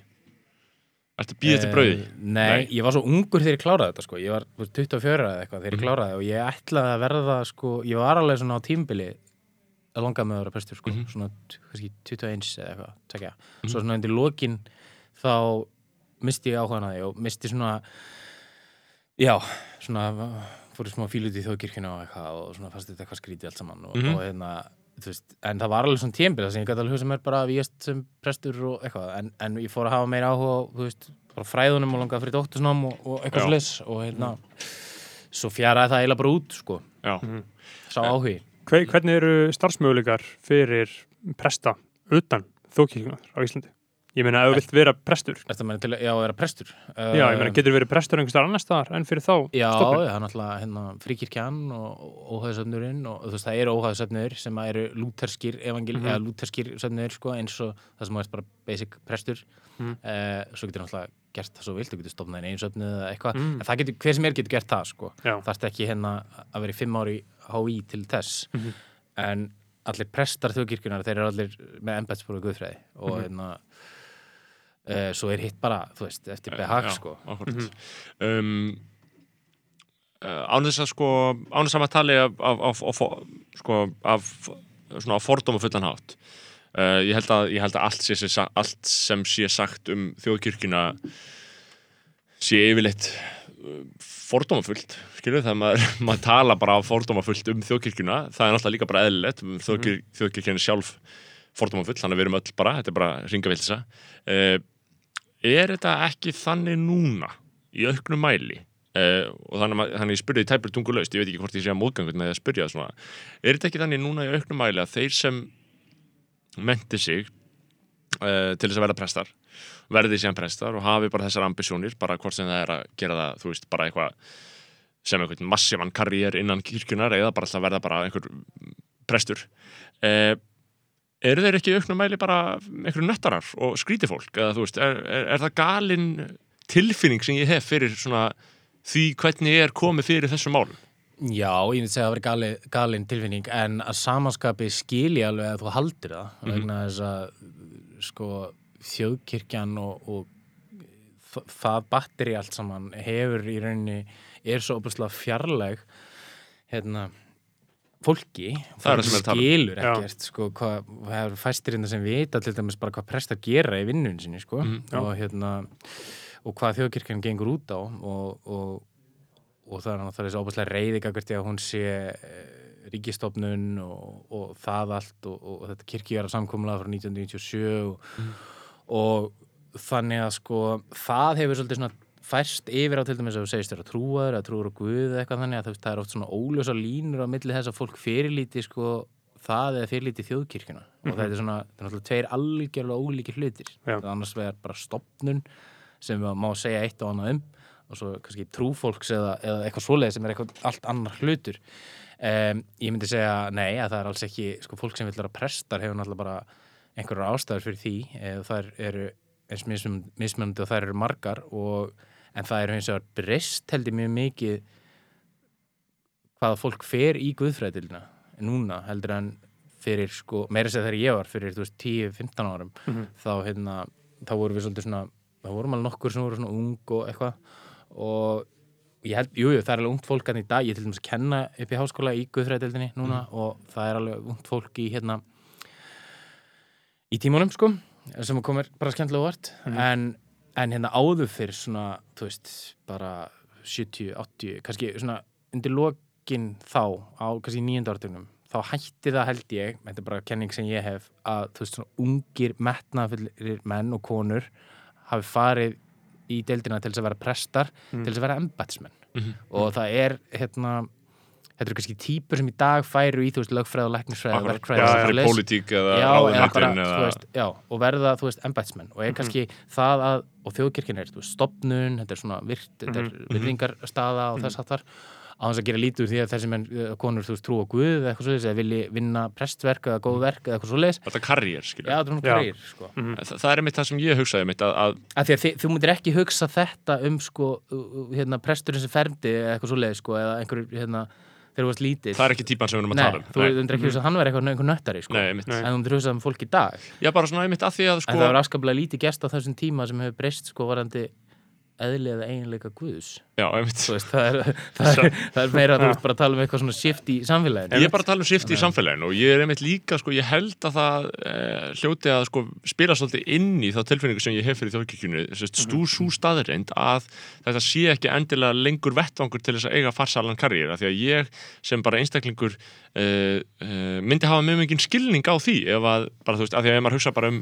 já, bara hver var spaði í mentaskóla og ferskur í grunnskóla, það er núna mjög fjärstæðukend frammynda skilur, það er mjög, svona, það kemur mjög óvart ef að bara einhver kongur er í bara 12.00 í Versló og fer síðan bara í guðfræði þegar hann langar að vera bara kongaprestur en 1970 þá var þetta bara ef þú varst bara kongurinn, bara góður í íþróttum og bara atgerfis maður og king þá fórstu bara, bara já, hann þarf að verða prestur.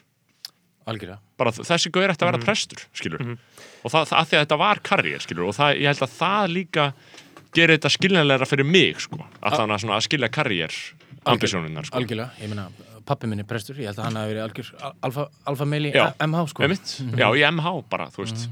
Uh, og, og örgulega þú veist að, að, berja einhverja á þarna, leik, skóla, á þarna, leik, leikvellinum í, í grunnskóla, skilur þú veist.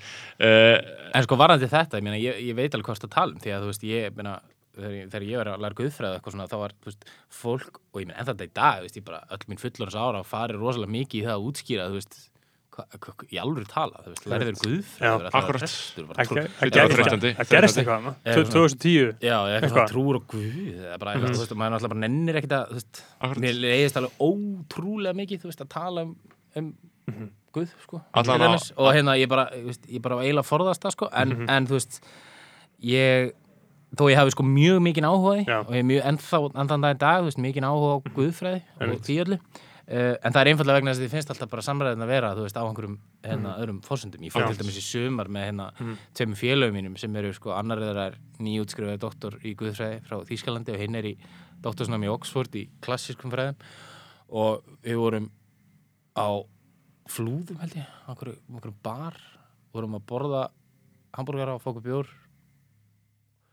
og við vorum að tala um Pílatus og einhverjar heimildir sko fyrir Pílatussi og, og þetta þennan kapla í hérna biblíunni þegar Pílatus spyr Krist hérna hvað er sannleikur og, og þennan texta og eitthvað svona og akkur mm -hmm. Kristus svarar hann ekki og eitthvað svona álíka og, hérna, og það var svona fólk sem satt á borðinu hliðin okkur ég sá bara á þeim hvað eru þessi gæjar að tala um? eða þú veist, þetta er bara Já. venjulegi strákar sko. Þau er bara eitthvað rugglaðir eða þú veist, þetta er eitthvað, þau eru eitthvað á einhverju eða eitthvað Já, já. þannig. og það var reitt í hamsi og þú veist, þetta var alveg svona.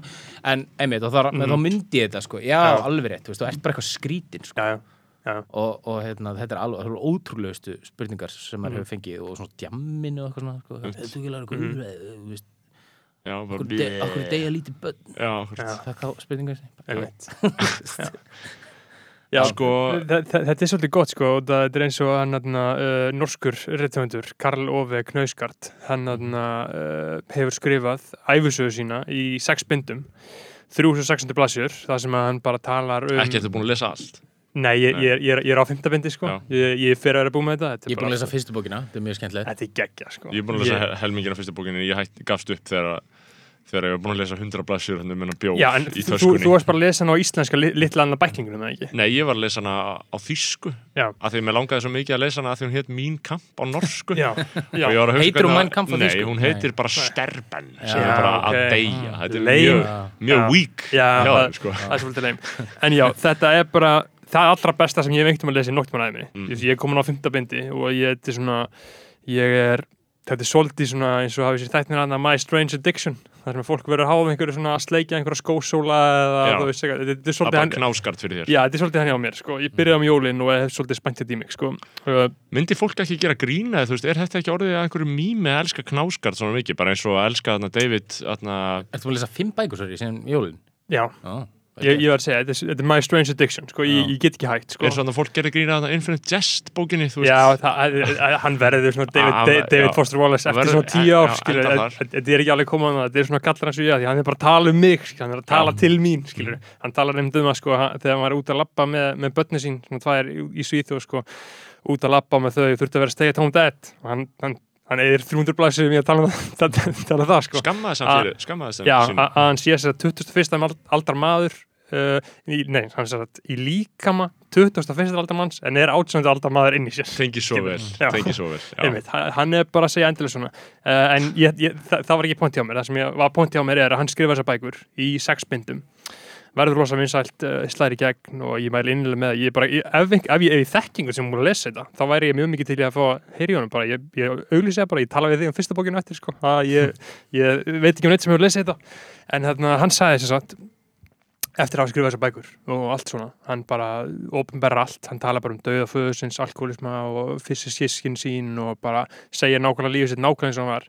En síðan var hann spurður á einhverju svona Q&A uh, einhverju svona, einhverju svona sæðismanna rithönda rástefnu þarna trúur á Guð. Og hann sagði bara, þetta var alltaf persónulega spurning. Ég svara hann ekki, Getur þú ekki notað þetta svar? er alltaf persónulegt. Jú, eða þú veist, örgulega, ég meina, en, en að sama tíma þá, þá, hérna, er þetta ekkit, sko, maður fer bara alltaf í, maður fer alltaf að velta fyrir sér við hvernig er að tala, hver er að spyrja, af hverju er þetta að spyrja þessu? Og, og venjulega þá svona stuðast ég við þessa spurningu, Mhm, sko, af því að mín guðsmynd er bara svona frekar flókin. Og hérna, eins og guðsmynd allra, sko, ég bara þú er trú ekkit á guð. Mhm. uh, ég mann hérna, það var uh, félagi minn hann skrifaði bíarreit gerði um Nick Cave í Guðfræði og hérna Nick Cave skrifar svona mjög trúalega texta og, og, og svo saði hann mér frá því að Nick Cave, ég hef aldrei hlusta á þetta viðtal uh, en hann sagði mér frá því að Nick Cave hefði komið til Ólapalla á Rós 2 og Ólapalli hefði spurt hann, ertu trúar? og ég tek fram, þú veist, ef þetta gerist ekki Ólapalli þá bara, sorry, og bara hérna skamar um fyrir þetta Já.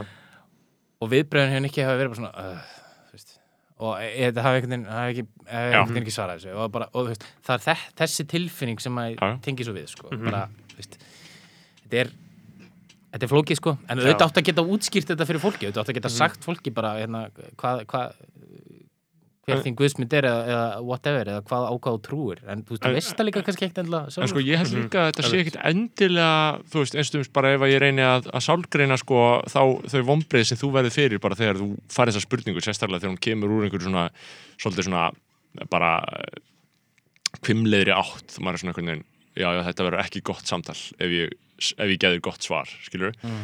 eh, maður hugsa það stundu þegar maður fær spurningar, skilur, af því ég fæst bara oft spurningar um bara, þú veist, að ég læri íslensku háskólum og það er náttúrulega töluvert meira orthodox en, skilur, guðfræði Mhm. uh, og það er mjög svona það slætar algjörlega og fólk skilur alveg svona sirka hvað það gengur út Mhm. en maður fær samt auðvitað, Af- maður fær samt af, af því að normið, venjulegu skilabónu í samfélaginu fá, fáður farið viðskiptafræða til að græða pening já, verðt einhver, loser, skilur í Eh, blári, skirtu gera eitthvað til þess að þú getur fengið góða vinnu Já, ég er að segja það, veist, og, og ef maður gerir eitthvað svona aðeins meira Já, eitthvað, Mhm. veist, þá, þá koma svo spurningar og mér hefur alltaf fundist ógæðislega bara innilega leiðilegt að segja eitthvað frá því, bara eitthvað af hverju ég fór í íslensku eða Já. þó að þetta sé mjög basic, Já. mjög basic og bara fullt af fólki í bókmyndafræði, fullt af ellu fólki sem hefur lært það, skilur já, en þetta er samt svona í auknum mæli eh, excentrist að gera þetta eh, og mér er alltaf, og ég, og ég ímynda mér þú veist, á, á þeim grundalli tengi við eh, þessu, þessu, þetta andvarp sko, eitthvað svona, Mhm. eitthvað, já, hvað ertu að læra? Ertu að læra,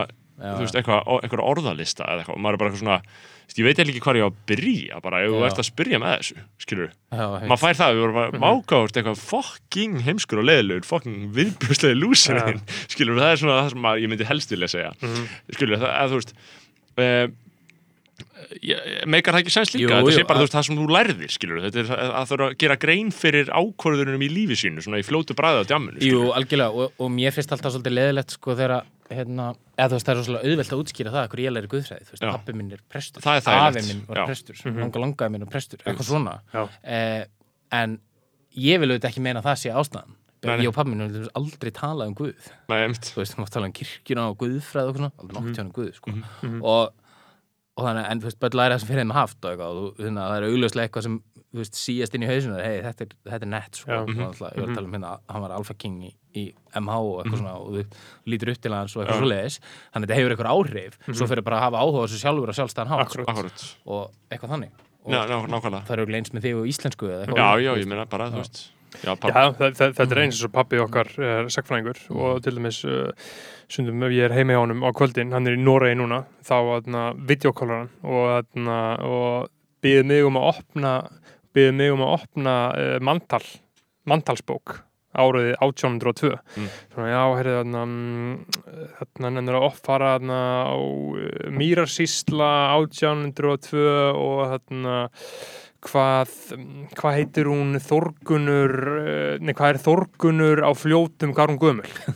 Skilur Já. og ég bara, já, hún er þróttsækja herri, já, flott, takk, sjáumst þessi áhugi er svolítið svipaður og áhugi sem að sjálfur getur haft eins og bara jætlandi sem er rapp, bara með, með, með ártöl skilur, þetta er í rauninni nákvæmlega sama. Þú veist, þú erfir þú erfir einhverfuna, skilur Já. þú veist, þú, þú er, erfir svona skrítið sitt, en það getur bara byrst í alls konar uh, öðru. Já, einmitt. Og líka, sko, það. einmitt, já Það er aðtælisvægt líka, sko, hvernig maður, sko, einmitt Maður hermir fyrst og svo, svo verður maður Já, sjálfstæður her, grundrættirnir eru eftirherma Mhm. en svo er, er pervertismin og nördismin er svona Mhm. uh, náttúrulega bara lífrænt fyrirbæri. Það er bara eitthvað í heila starfseminni sem gerist. Þú byrjar bara að horfa á eitthvað, þú vilt bara þú, bara færð áhuga á einhverju guðspjalli bara einhverjum Mm. texta í einhverju guðspjalli bara og liggur bara yfir honum mismunandi þýðingu af honum get ég ímynda mér mögulega einmitt, og ég, ég, held að, ég, held að pappi minna miklu meira áhuga ég er í fótboltamæður heldur en, heldur en guðfræðingur sko. Já, og, ég maður þegar ég var að Já. fara að læra heimsbyggi í hérna Danmörku sá hann um það þá var hann svona, á, þú veist, Mm. hérna Ættir ekki frekar að tjekka mm. alþjóðsamskiptum eða eitthvað svona, að, svolítið að fara kúk í skít sko. Já, já, já, að það er aldrei neina einhver svona pressa þarna en eitt svolítið sko. Nei, akkurat, þetta er merkilegt. En sko Guð í samfélagi manna núna, skilur við þjóðkirkjan á Íslandi við fengum Agnes, Agnesi Biskup hérna í viðtal á sín tíma, Mm. mm. ömulegt viðtal var ekki hægt að tala hann um neitt. Eh, og ég meina þú veist. Þú veist. En, þú veist en, hún er, leið, hún er leiðtói Já. leiðtói æðstu andlegu stofnunar ríkisins, skilur við, hvaða Hvað- seg- kjafta er í gangi?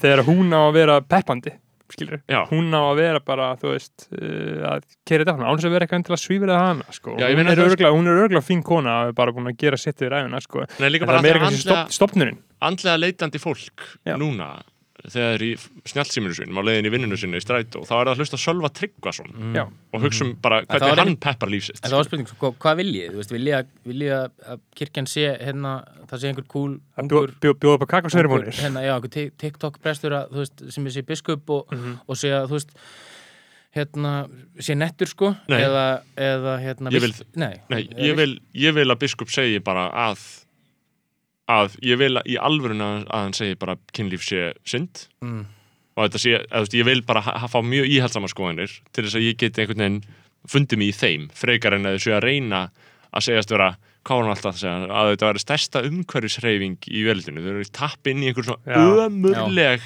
Mhm.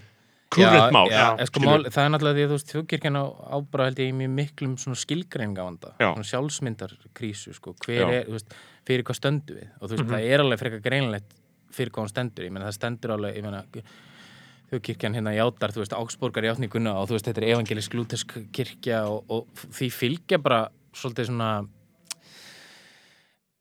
oft óljósar en erfiðir, óljósar en erfiðir skilmálar. Og, og það sem er Þessu hvað, hvað þarf hún að uppfylla? Hvað þarf hún að vera, skilur, samkvæmt þessu? Samkvæmt, þessum, Það er náttúrulega, sko, nú man ég ekki ásborgar í átningur nöðana, en ef ég lesið hana, sko, þá er alls konar svona hlutir þarna sem að maður, maður sér og maður hugsa, á, þú veist, ok, þetta er skrítið, þú veist, þetta er bara eitthvað sem á ekkert lengur við og þetta er, þetta talar ekki til okkar og, og ég meina, fólk talar um það þegar það fyrir messur, þú veist, það skilur er í gangi, sko, það er bara eitthvað, "Ó, þú veist, hvað er að gerast hérna, en svo með leiðum að læri það og fattar það Já. og skilur það, veist, og þá meikar allt sens, en veist, það er ekkert endilega að ætlast til þess að fólk geri það eða hafa áhuga á þessu eða finnist þetta, hérna, finnist þetta ná til, ná til sín.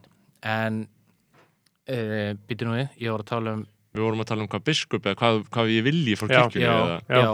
Hverju væntingarnir eru? Augsburgar játningin og hvaða skilmála já, fylgja ég held, ég held að varandi hennar skilgreiningar vanda Já. hann, Mhm. hann er með tilkomin að því að það er ekki tekin kannski nú sko, skýr afstæð, þú veist, hvar stendur Einmitt. fyrir Mhm. hvað stendur Já. katholska kirkjan hefur til dæmis alltaf verið mjög góð í því Akkurat, katholska kirkjan vann, sko Já, þú veist, þarna 1555 hinn er stöpu Já, ég meina, Luther tapaði, sko. Já. Mhm. Þú veist, hann, hann ætlar að breyta katholsku kirkjunni. Hann ætlar ekki að búa til nýja kirkju. já, Þú veist, það tókst ekki, sko. Og, og hérna, hann býr bara til alls konar litl, eða, veist, það verða bara til alls konar litlar kirkjudeildir sem að, hérna, sem að, sko, hvítasunarreyfingin og allt þetta og, og, og, og sem er góða blessuð en, þú veist, svo eru, hérna, bara svona allt rætt reyfingar í bandaríkjunum og allt þetta, þú veist, þetta er allt Mhm. sprottið upp úr mótmældarreyfingunum, Já, já, En hins vegar, það sem er gott við sko Lúter, og ég er ekki mikill Lúterann endilega, en það sem er gott við hann, er að hann gefur fólki sjálft skilgreiningar vald að túlkuna líkilega veist, hann þýði biblíun á þýsku og hann segir, þú veist, þú þarft ekki lengur á milliliðil, þú þarft ekki lengur á mann sem segir uh, hver Guð er. Mhm. þú hefur frelst til þess að túlka það sjálfur. Mhm. og það náttúrulega opnar fyrir alls konar rugg Já, en það, það heldur líka því, því opna að þú getur verið alls konar sko, Mhm. og við getum lesið þetta á alls konar hátt. Og þú veist, hver er bóðskapið biblíun, þú veist, það er bara mjög basic í kjarnana mínu viti, sko, bara nýtestamentsins, það er bara kærleikur, ekkert annað. Og þú veist, þú veist, með það þá ertu bara með hérna, þá ertu bara með kjarnan, skiljur, mm. náðu að kjarna það einhvern veginn. En svo ertu á sama tíma að halda í svona mjög íhaldsamar hefðir, þú veist, með alls konar hérna jólasveina sem eru í embætti sem að eru þú veist, segja hluti sem stangast algjörlega á við það sem kannski einhver ungur, ferskur prestur segir, þú veist, Já. í löganskirkju sko, og eitthvað þannig og er kannski mjög vinsæll. Þannig að þetta er bara stopnum sem rúmar ótrúlega ólíka einstaklinga. Uh, og það er ekkert sérstaklega mikil miðstyrning þó það kannski lítið út fyrir að vera það þetta er bara, já, þetta er bara mjög flóki og ég held að, þú veist, ég held að það þurfa að fara eins og mín svona guðfræði í dag, þú veist, það sem ég er að pæla í dag, hérna, er er til dæmis bara hvort það sé hægt að eiga heiðalegt samtal um það hérna að Guð sé döður sko. og þú veist, er hægt að tala um það þetta er kallað post-kristjan eða post-modern guðfræði, þú veist, bara hvernig tölum við bara heiðalega hátt um það. En hann skipti ennþá máli. Og kirkjan, og skiptir kirkjan einhverju máli í þannig samfélagi? Þegar þú færði hérna einn prest þú færði einn prest sem er prestur þannig kemur hérna í viðtal, þá talar hann allt öðruvísi. Mhm. og þú veist, og ég þekki það alveg sjálf ég á vini sem hafa verið prestar og svo kannski lesi greinar eftir það og, og hugsa bara, hvað er það að segja maður? Þú veist, bara að tala um, þú veist barni í jötunni í Bethlehem og, og þú veist, friðarbóðskap í jólana og eitthvað, þú- þú- komin í eitthvað lingó sem enginn skilur, þú, bara, þú ert ekkert svona þú veist, þú getur, getur miðlega svo allt, allt öðruvísi hátt. Akkurat og, veist, og þú bara, og, og það, Einmitt, af það Þetta, leiðir að þetta, þetta dæmi er ekki að virka, skilur já, ekki fyrir alla og ekki fyrir kannski einmitt eins og fyrir ungd fólki ég er ekkert að segja kir- kirkjan eitthvað að poppa sig upp eða djassa sig upp eða eitthvað, ég er líka bara mjög íhaldsamur á mörgu leiti en ég velti því samt fyrir mér þú veist, hvort að eiga heiðalegt samtal. Getur við til dæmis haft prest sem segir bara ég, ég held að Guð sé ekki til.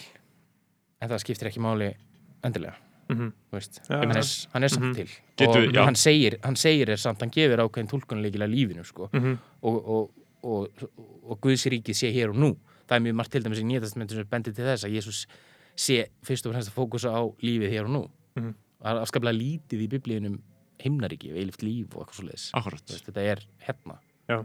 Og hérna, veist Já, núna, þetta dæmi ekki, ekki önnur vít endilega Já, til dæmis, og ég meina, þekki til dæmis inn að slá í Sisek, en að slóanska heimsbyggi sem er, veist, gefus út fyrir trúleysingi sko, hann segir til dæmis að, veist, eina leiðin í gegnum eh, til þess að verða properly trúlaus er að fara í gegnum kristindómin og sjá, þú veist, að kristindómin er einu trúabröðin, einu engist trúabröðin þessum Guð actually deyr og viðkennir það, þú veist, og en það segir, þú veist, Guð með Guð með Guð í hugjöfum mig og hann segir bara, hann skilur sjálf hans eftir í sköpunni Mhm. og það er sem hann kallar hérna Emancipatory Collective, því að hann er, þú veist náttúrulega svo mikill kommunisti mm. veist, og það er hérna þar sem tveir eða fleiri eru samankonir í mínu nafni, þar er ég mitt á meðal og, þú veist, og þetta er bara mjög þetta er mjög einfalt og þetta er mjög Mhm. svona kannski naíft að segja þetta sko Mhm. en þú veist, það er eitthvað annað það er klárlega eitthvað annað. Já, það, já, það sé til eitthvað svona transcendent guð eða eitthvað, þú veist, Mhm. Það er svolítið önnur umræða sko. Því að það er mitt skilur, ég held að það sé að einhverju leiti hafi fælingamátt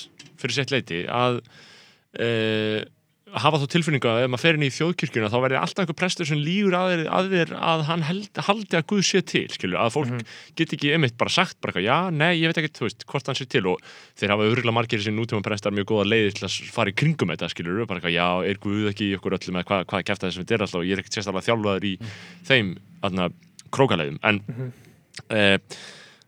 það væri, það væri strax bót ef að það væri eitthvað svona, já, ég meina, ok, Guð þú veist, skilur, ok, hann, er- hann er ekki til auðvitað, við erum minna þungliti kallmenn hérna eitthvað, þú veist uh, að taka podcast, Guð er ekki til. Það, þú veist, það getur ekki verið. Uh, en getur við samt ekki tekið biblíuna, nýja testamentið eða gamla testamentið og peppa okkur aðeins í gang með dæmið sem er í gangi í sér bók hugsa, hugsa um kælingan En þá lendur líka samt alltaf í þessum skilgjarningavanda þú veist, aftur, þá er það bara svona, herru, hver er þá tilgangur með þessari stopnun, skilur ekki bara Mhm. haft einhver hjálpasamtök og eitthvað, mm. þú veist, það eru sálfræðingar og geðlegnar eitthvað, en það breytir ekki það, fólk trúir samt að þá á Guð. Fólk mun alltaf Mhm. trúa á Guð, sko. Það var, þú veist, aldrei fleiri í sögunni trúa á Guð en akkurat núna, og að við Íslendingar kannski stundum halda, hérna, höldum að, þú veist og við sem búin að komast að Guð sé ekki til, sko en það er, það er ekkit allir sammála því Já, Þannig já að- ég, ég, ég, ég, ég skráði mig úr þjóðkirkjunu og svo skráði ég mig aftur í hana. Ég fór í til Súista og séðan kom ég aftur Mm. aftur í þjóðkirkjuna komstu sko. rísa stóð tilbaka. Já, kom risastórt tilbaka Já. og það var stórt, það þótti stórt á sínum tíma. Komið inn aftur. Ég komin aftur. Já, ég Eh, gerði hérna þegar ég var í háskólanum þá var, voru vantrú mjög stórir. Já. það er einhvern veginn alveg búið. Og það dæmi allt þarna New Atheism þú veist, já, það verður atheist. Já. er einhvern veginn ekki, ekki lengur cool sko. Og þá voru þeir alltaf svona, með svona skráningablöð hérna, að skrá sig úr þjóðkirkjunni. Mhm. Og, og ég fór einhvern veginn til þeirra og ég skráði mig í þjóðkirkjunni það var stóðslega sniðið Já, sko. veist, já.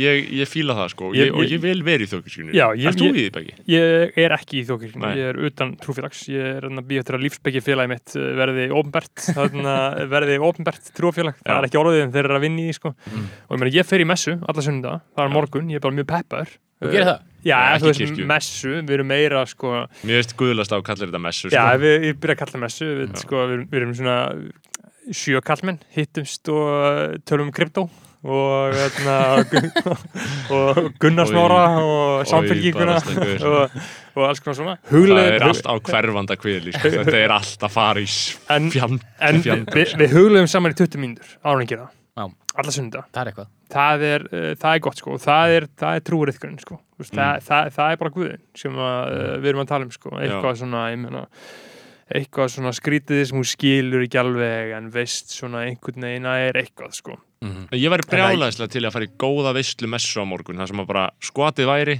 og það væri bara veistla í gangi hjá Já. prestinum, þú veist. Já, já, Mhm. bara peppaður og öskar bara eitthvað. Já, og það væri bara fakta, Já. fakta hluti þetta við alltarið og Einmitt.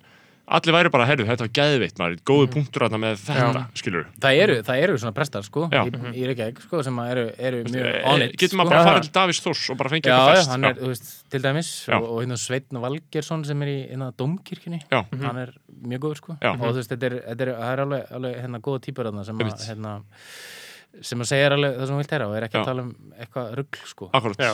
sem er ekki að, að þykjast, skilur sem Nei. er ekki einhverju leikriti, sko Mhm. eh, Það, ég verð, ég, mér langar í það, sko. Mér langar í það, mér, ég er, ég er kristin maður. Ég, ég, ég, Mhm. ég, ég trúi á, á Guð. Ég er með kristin gildi bara, ég er ekkert að djóka, skilur, ég fór í vatna sko fjör ári röð. Já, ég man þegar þú komst heim úr vatnaskói, uh, radikaliserar, ég man mjög vel eftir því uh, þegar, þú, þegar þú varst grátandi uh, af því að engin annar í fjölskyldinu trúða Guð. að, því að, við öll vorum bara eitthvað, nei, Já. Þú veist, ég man eftir þér hágrátandi inn í stofunni uppi, mm. að kýla í sófan, af því að engin annar í fjölskyldinu trúði á Guð. ég veit það, þú veist, hljómar þetta ekki eins og frelsaði maður Jú, Er það ekki? Jú. þú veist, þarna var ég frelsað Það það varstu versaður og því fannst það bara hræðilegt að engin annar trúði þessu. já, uh, Það er alltaf rosalur heilaþáttur sem á sér staðarna í vatnskói. já, episkur og sko, þú veist, bara upprisin er hann, húra, húra dun, dun, Já. hann lifir, hann lifir, hann lifir en Þeir Já. gerir þetta líka svo vel, þú veist, eins og með um, fótboltan og íþróttir og þú veist, þú ert einhvern veginn ekki, fattar ekki að það er verið að doktrinera já, Já, þetta er fullkomið, sko, svo Já. farið bara inn í kóju og bara leys, mm flokkstjórin er mestari og Mhm. svo ertu bara í þarna, einhver svínadeildinni eða hvað sem þetta heitir, þú veist fara bát Mhm. og bara, þú veist Þetta er fullkomið. Þetta er sko KFM, þetta er hérna róttæki armur þjóðkirkjunar. Já. Það er, Já, svona, ok. það er ínis pólitík í þessu sko. Það er, það er svona, do tell, þú veist, hva, hva, þetta hvað er að eru, tala um þetta? þetta eru svona hérna íhaldsum svona ég vil ekki segja hæri en svona, þetta er svona það. Já, einmitt. þetta er, svona, þetta er, þjóðkir, þetta er þjóðkirkjan sko Já. en þetta er svona mjög Já, íhaldsamt sko. einmitt. og, og þau kallaði kvummarar sem Já. að, Já. sem sagt, þeir sem fara í guðfræðdeldina og eru þaðan sko. Já. og það er svona, þeir eru oft svolítið ólíkir. Já, ok, svona ungir, það ungir gamlir menn. Er bara svona conservatives. Bara, þetta, er- já, þetta er bara svona já, mjög fallegt. Þetta eru svona, replikanar Já. Ok, ok. Sko, veist, ekki meint á, já, nú kemur hérna fjölmjölamæðin upp mér. Já, Þetta Já. gott fólk, virkilega gott fólk. Já, bara, ég, ég, ég held að republikanar geti alveg verið gott fólk. Algjörlega. Já, já, ég held að það séu upp til hópa gott fólk sem trúi að Guð sé góður og, að, og að heimurinn sé góður og að það sé allt gott, þú veist, það er punkturinn. Einmitt. bara Ted Cruz Einmitt. skilur Já, hann, sku, skulum ekki, uh, sku, vilt ekki geta spila þetta þrjú og hann er alltaf næsti Trump sko. Og það, menn tala um það að það sé að vest af Trump sko, að svona fucking loserar eins og Ted Cruz byrja að apa upp eftir honum sko, og verði svona eins og serial killer svona e, aðna, eftirhermur Mm.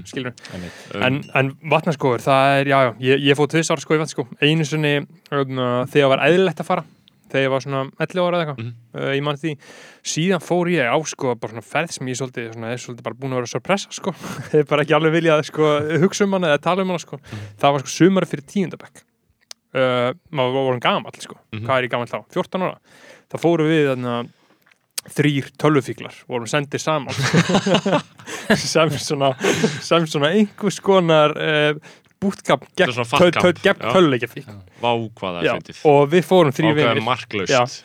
Og, og vorum alltaf bara píndir af fóðum okkar, mömmur okkar þrjár uh, voru vinkonur og bara saminust í, saminust í þessu. Bara nú uh, gera strákunir eitthvað. Og við fórum uh, sumarið 2010, já það var sumarið fyrir tíundabæk, þannig við vorum bara gamlir þú veist ég að byrja að taka í vörun og búin að drekka hann sko. og þannig vorum sendir hann í vatnskó allt of gamlir allt er of gamlir. Við erum að, að, að, að, að, verða- að vera 15 ára, orðan 15 ára. Já, ok. Allt of gamlir. Í búðirnar eða? Í bara í vatnaskó, bara vorum í viku bara í, í vatnaskó Akkur hefur ég alltaf heyrt þess. Fórið í Af að ég- 15 ára? Af því að ég er svolítið búin að vera svo pressa þetta sko. Veist, þetta var bara, þetta var það hræðilegt sko. þetta var bara hræðilegt sko. og náttúrulega maður var að hátnindi tölufíknar maður var að spila World of Warcraft. Maður var að spila World of Warcraft competitively. Ég var í gildi og ég mætti, það var stundatabla Mhm. skilur, þú veist, þetta var bara það sem að lífi snýrist um. Uh, og náttúrulega mæður okkar saminuðist uh, gegn okkur. Og, og senda okkur í vatnaskó og, þarna, og þetta var sko bara einu krakkina sem voru þarna, voru bara við, tölufíklar og, síð, og, síðan svona uh, svona uh, hvað maður að segja, þólendur bara svona fórnarlömp, mm. fórnarlömp lífsins. Já. Og það var alltaf kvöldin svona kvöldvökkur, það sem að hver og einn byrjaði að segja frá sínum áföllum Mm. og það var bara fucking heavy Og voru þá aðri gaggarna líka jafngamlur þið? já, Já. já, sumir aðeins, eldri. Var þetta var? Já. og ég held að við höfum verið yngstir í úlingadeildinni þannig ég held að það hafi alveg verið upp í átján ára krakka hana sko, átján, nítján sko. Og ég bara mun aldrei gleyma því hvernig sko, þú veist, þetta var fyrst sem ég sá bara svona fólk úr bara öllum bara kemum þjóðfélagsins, skilur þarna var ekkit, uh, þarna var bara engin stjætt eða staða en eitt svo alveg, þetta var bara fólk allstar að, það var ekki bara vesturbærin sko og, na, og allir bara opna sig um áföllin og ég bara tölvufíkil bara, veist, bara vildi ekkert minna en að vera það var bara það hræðilega sem ég vissi Og varst að segja það, sagður það? veist, Nei, ég, ég, ég, ég Bergþór tjáð og ég er já, tölvufíkill. já, ég, ég tjáð mikið neitt sko. ég bara, því þú gafst þetta val sko, varst ekkert pindur sko. og það var bara hræðilegt það var bara krakka, bara tala um bara ofbeldi sem þau lendi í og eitthvað svona shit og, veist, og þarna var maður alltaf á þeim tíma manni, manni fannst allt þetta svolítið fyndið skilur, maður, hafði eitthvað sam, samúð með þessu fólki, mann fannst þetta bara oh my god, hvað þetta er geðsjúkt hvað, þetta er geðsjúkt leðana og við vorum hann í viku, ég og tveir vinn mér. Og þú veist, einn fór í uppreist mætt aldrei á kvöldvökunar skilur var alltaf bara upp í herbyggi og var ekki að mikið vesen að sko að, að dodja það, að feika og hafi mætt þess að geta verið upp í herbyggi, þetta var bara ræðilegt þetta var uh, þetta, Ég- þetta er ekki kannski- sérstaklega gott konsept Nei, að senda úlingaðna í vatnskó sko. uh, alls ekki sko. en ég meina, fínt starf sem er vinnað ekki Jú, Hvern- hver- 100%. Hver, hvernig er er hinn, hvernig er armar þjórkíkunar Á, góð spurning Það er náttúrulega, jú, það er eitthvað svona Æ, það- Er eitthvað svona vilt vinstri eða? Nei, ekki beint sko. Nei. Það, jú, jú, jú En ég held að sé sem er ekki svona Davíð með- Þór, skilur Já, en ég held að sé ekki mér svona Ég held að sé ekki, sko, miðstýr Þeir eru ekki móbilseru Nei. Já, einmitt. einmitt, KFM er það, sko. KFM er sinn svona einmitt. Hægrið er alltaf meira organized sko. Já. Já, hæri Get er organized. snillingar sko. Ég dyrka hærið sko. ég, ég væri til að vera kvumari sko. Mhm. Já. Ég væri til að bara vera búin að vera í hreyfingunum lengi og fara í guðfræði Mhm. En ég veit ekki, ég, þú veist, ég fer í, einhverja- ég fer ég fer í stuð skilur, en síðan missi ég það niður skilur, og verð bara eitthvað, oh, skilur, ég verði svo sættur um ef, maður væri prestur skilur, að missa það bara niður skilur. Hægrið er líka bara svo miklu fyndnara það er miklu meira húmur og þú veist, það er svo Við séum bara með Trump og, og Mhm. þú veist, þetta er allt svo Þetta er bara allt svo miklu fyndnara sko. Já, Já, já. libbarnir eru þá fyndnast sem er til á veröld, Jep. í veröldinu sko, li, svona frjálsind fólk sko. Já, já, um, Akkurat uh, Ok, en, en við vorum að tala um kirkjuna og svo er líka spurningum svona hérna á opnberu vantar okkur vatn hérna smátt og smátt að klára þetta, sko Já, við sækjum meira vatn eftir smá en sko, við, við erum búin að tala um kirkjuna við erum búin Já. að tala um þetta, mér langar að tala eins meira um sko, uh, fótboltan sko. Já, en áður en við, áður en við förum aftur í hann þá, mm. sko, er ég líka bara með, með, með, með kirkjudæmið eh, þú veist um, opinbera byrtingamyndin og umræðan til dæmis í stjórnmálum hvernig sko kristin uh, bara kristni byrtist í íslenski stjórnmálaumræðu, það er ekki talað um þetta neitt, skilur, þetta er einhvern veginn minnst engin stjórnmálaflokkur einu svona representera sig sem eitthvað almennilega kristni flokknum að þú veist, ef, við erum skildi miðflokkur og sjálfstæðarflokkur, skilur, og flokkur Mhm. fólksins kannski. En það er af svo veikum mætti. Bjarni Benediktsson tala aldrei um Guð, eða, Krist, eða Jésu. skilur. Nei, þetta er náttúrulega sko þú, það er mjög auðvelt að gerast sko populisti ef þú ætlar að, að ná þér í atkvæði þú veist, eða, eða líðhyggjuflokkur eða Mhm. hvað þetta kallað uh, þá er mjög auðvelt að grípa í kirkjuspilið Mhm. þú veist, og ég held að hérna, á þess að ég sé að segja að miðflokkurinn sé populistaflokkur, þá voru þeir til dæmis mjög fljótir að stökkva þann vagna þjóðkirkjan væri hérna, mm Mhm. hotsteinn Íslands samfélags Akkurat. og, og þú veist, það þyrfti að, og þú veist, þetta er náttúrulega bara ákveðin atkvæði sem færið út Já, á að tala svona Já. Og, og hérna, ég hjó eftir einmitt í sumar þegar var þegar Guðmundur Franklin og, og hérna, Guðni TH voru í, voru í debatt á stöð 2 um fórstæðembætti og þá er Guðni spurður eitthvað úti veist, hver er, hvert er hlutverk fórstæðans og eitthvað svona svaraði því og, og svo var Gu- Guðmundur spurður að því og hann sagði að hann á að vera saminningatákn þjóðarinnar eins og kirkjan og svo held hann bara frá að tala með eitthvað annað og myndist ekki orða á kirkjuna það sem eftir var að þessum umræðum Mhm. bara með því að segja þetta Já, þá ertu búin að ná einhverjum, Mhm. einhverjum hópi sko. Já. Já. Þú veist.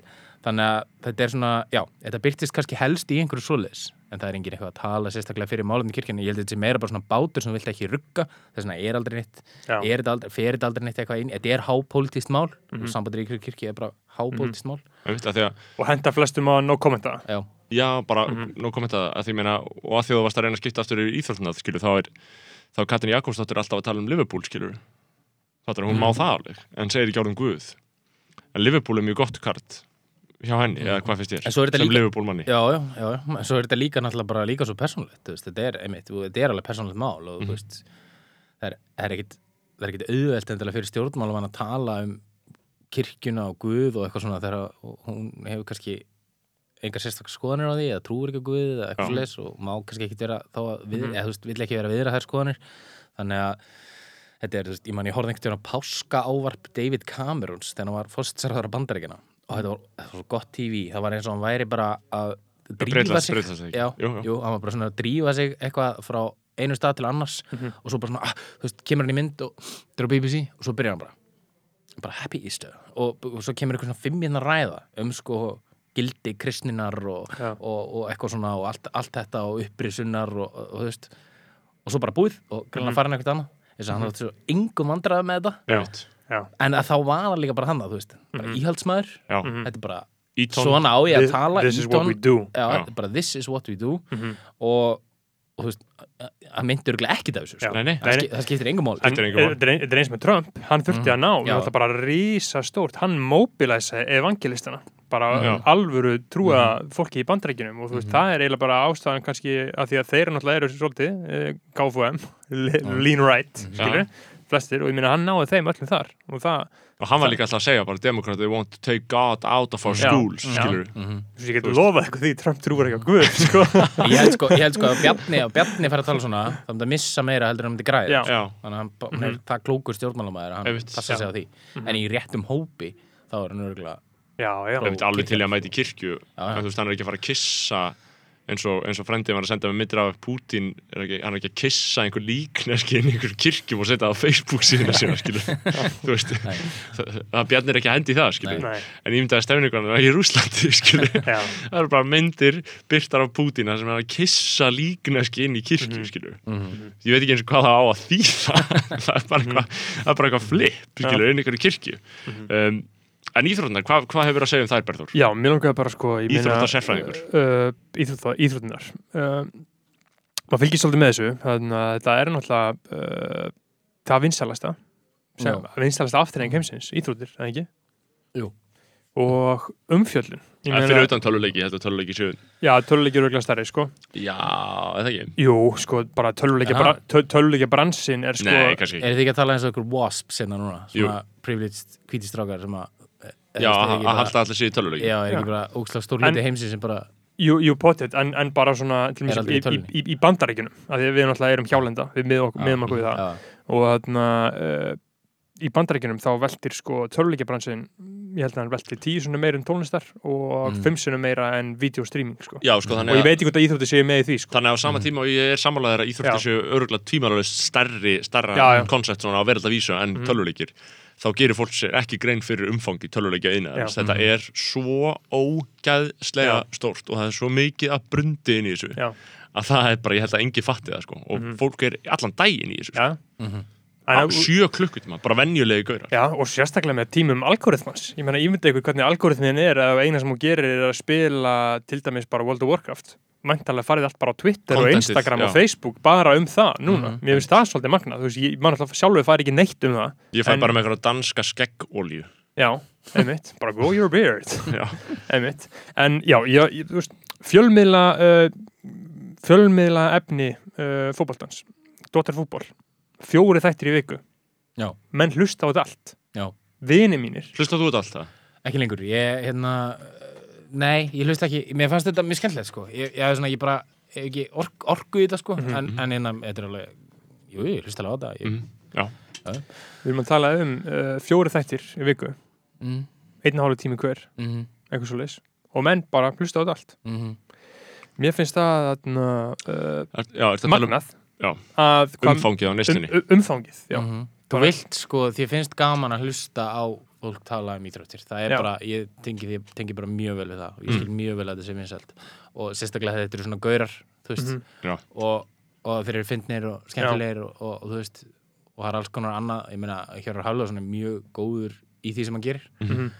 og eins og finna þess að tvo dúta þarna og gera þá að einhverjum stjörnum er Já. magnað afreg sko. Mhm.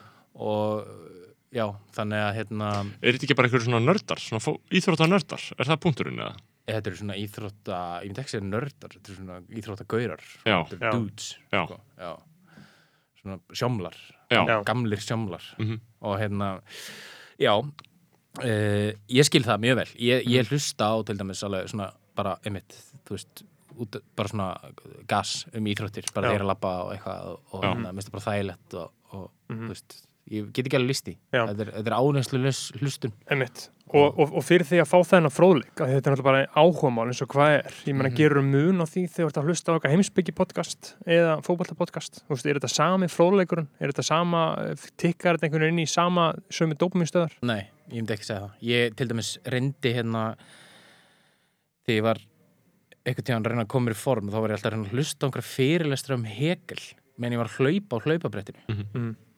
og ég skildi aldrei neitt sko Nei. Og, og, eftir, og ég bara, ég náði aðingu inn það gerist ekki neitt og sem hefði kannski örgulega gerst sko, jafnvel þó ég verið bara heima að mér að fókusera á þetta Já, uh, svo las ég eitthvað grein um það þú veist, þegar þú ferði okkur ákveðin hraða þá tekur inn minna af upplýsingum Mhm. minna og minna og minna þú getur meldt minna þegar þú reyna meira á þig sko. Já. Mhm. og þannig að ég myndi segja að ég, þú getur hlustað á Dóttur fútball á hlaupabréttinu sko. Þú getur hlustað á svona þú veist, þegar þú ert að gera eitthvað annað og eitthvað Mhm. svona en Mhm. svo hitt er hitt er kannski svona tekur meiri þólumæði og, og mér finnst ekkit eitthvað sérstaklega gaman að hlusta á okkur svona mjög djúpar umræður e, í podcasti af því að það er þú veist, þú missir alltaf að einhverju og þú veist ekki allt um það þá, þú veist, þetta er svona, já. Ég myndi ekki segja, ég, myndi ekki segja að ég var eitthvað svona sérstaklega hrifin af einhverjum mjög heimsbyggilegum vangaveltum í podcastum. Nei, en mér finnst alltaf lægi þegar það er integrerað í eitthvað annað, sko. Einmitt, þeir eru svona slætar inn, sko akkurat Já, ég, ég, ég uh, hlusta á mjög skringilega valið shit, ég held að flestir séu þar eða svona, Mhm. nei, flestir eru ekki þar Nei. flestir eru í uh, góða mainstream dæminu, skilur sem er Mhm. dotafútból, sem er þá kannski eitthvað, eitthvað þú Sjá- veist. Sjáðu tryggva Já, uh, en ég, þó að við framleiðum svona ógeðslegan viðbjóð eins og við framleiðum, þá Mhm. hlusta ég aldrei á svona ógeðslegan viðbjóð. Ég hlusta ég vilt bara á Illu og Jökulsson lesa upp úr ein- um einhver sjóslis bara upp á 2000-aldar, skilur. Um, Já, ég, ég hlusta alveg á það sko Ég hlusta á uh, góð viðtöl sko um, uh, Hegel, uh, sko, þú ert að skrifa doktorsritgerð um kirkigort, eða ekki? Jú, E- einhver ákveðna bóka eftir hann? Eða, uh, ne, já, eða svona aðalega bók Já. sem heitir Entertaining sem Já. er einmitt til á íslensku sem er til á íslensku ok, uh, mér finnst mjög gott að vera í doktorsnámi í heimsbyggi mér finnst það mjög falleg pæling og mér finnst mjög fallegt líka að sé að taka langan tíma hjá þér Mhm. skilur, það er mjög erfitt og mjög erfitt og bara sé að taka þungt á þig Já. og sé bara óþólandi verkefni, Já. skilur Já, mér hefur, ég mitt byrjaði dóttursnáminu fljótlega eftir ég hluti frá Ísafirði, sko, já, já, ég er að segja Hvað það hva, þetta hva, hefur, hva, hva, hva, lengi? sjö ár þetta hefur sjö hald, haldist, í, haldist í hendur við svona rótnunu þína, hægfara rótnun já, já, já, algjörlega. Uh, og, og er jafnvel Það er er snar þáttur í rótnuninni þessi viðleitni þín til þess að fá doktorskráðuna Já, og klára. þetta er slítið sundur bara meira minna öll mín fullorðsár já. Já, Það er bara svolítið já, Uh, en þú ætlar ekki að vera doktor dropout Nei, Nei. ég er sko eiginlega klárað að skrifa hana fyrir næstu ári síðan. Einmitt, já, Ég er búin að standa í eitthvað svona stappi við mína góðu leiðbynendur akkurat uh, er draumur, draumur hvers fræðimanns er að drepa leiðbyrjandi sin Já, Það er ekki drauminn, Nei. þetta er góðu En- menn já, En ég meina hvað Þetta er allt rétt sem þeir eru að segja sko. já, hvernig, hvað, er að stoppa þig? Hvað, hvaðan kemur sásökun? Hver er, hver er uppsprettan? Af hverju er þetta svona erfitt? ég hef full- áhuga á því, hvað er svona erfitt afsakanir fyrir ykkur sko Já, er þetta, er þetta fullkomnar ára það? Nei, ég myndi ekki segja það Nei, Mm. er, hvað er svona erfitt að gera doktorsvíkir Uh, þú veist alltaf aldrei búinn sko Mm. og hérna, þetta er ekki, þetta er ekki endalegt. Og alltaf hugvísindin eru bullshit paradise sko. Mhm. við vorum að tala um gas hérna sko Já, þú veist, og það er dóttarsíkir í hugvísindum er hérna e, bara bók bara þín hugmynd þú veist, og gerir dóttarsíkir í náttúrvistum eða verkfræði eða eitthvað svolítið, þú veist, að, eh, skrifa kannski fjóra vistagreinar og engang og loka ári, ég er ekki að gera lítið úr því en það er, það er miklu formfastara sko. Já, um, þannig að þetta er svona og þú býr til einhver eins og mín tilfelli þú veist, ég bjóð til einhver svona tesu sem var það í einhver svona hálfgerð skrimsli sko. Og svo Mhm. áttu mér erfitt með að bakka út úr henni eða þú veist, þú getur eiginlega bakka út úr henni þú komið að land og verður bara back it, back it up og suck it up hver er, hver er tesan? Svona, er þetta að segja einfaldi máli, skrimslið er þetta að gera skrimslinu skil? Nei, Nei, það væri bara ó, það væri bara það væri bara, það væri að, ég er að ég er að, Það væri sko, illgjarnt. ég er að triggerast hérna. Já. bara við að tala um þetta og ég vil ekki tala um þetta sko. Nei. en þetta er, þetta er að verða búið strókar. Já. þetta er að verða búið búið. en, en sko ef við hugsaum um kirkigort sjálfana því ég var að horfa á frábær, mynd Frábær, við frábær erum allir á samanlefili, gott, Já, já. við erum allir síðana já. Já, við spil, ég, ég, ég, ég, er alltaf að hlusta á loka lægi sko. Já, spil, við spil, elskum spilum við endalaginu. lo, lokþættin taka dansinn Já, uh, við, þar, við, við getum kannski ekki myndbætt okkur að dansa eftir podcasti þar er þarna þar er einmitt eitthvað svona lausleg þarna vísun í kirkigort það er svona eitthvað, Mhm. eitthvað grín að þetta sé byggt á einhverjum pælingum frá kirkigort það sem ég gera í þessari mynd þannig ég útskýri það fyrir hlustundum þetta er sérst kvikmynd nýleg dönsk þar sem að Mats Mikkelsen er í aðalhuturki og leikstjórnum Thomas Winterberg sem hefur nú gert garðin frægan fyrir ímislegt annað Mhm. Já.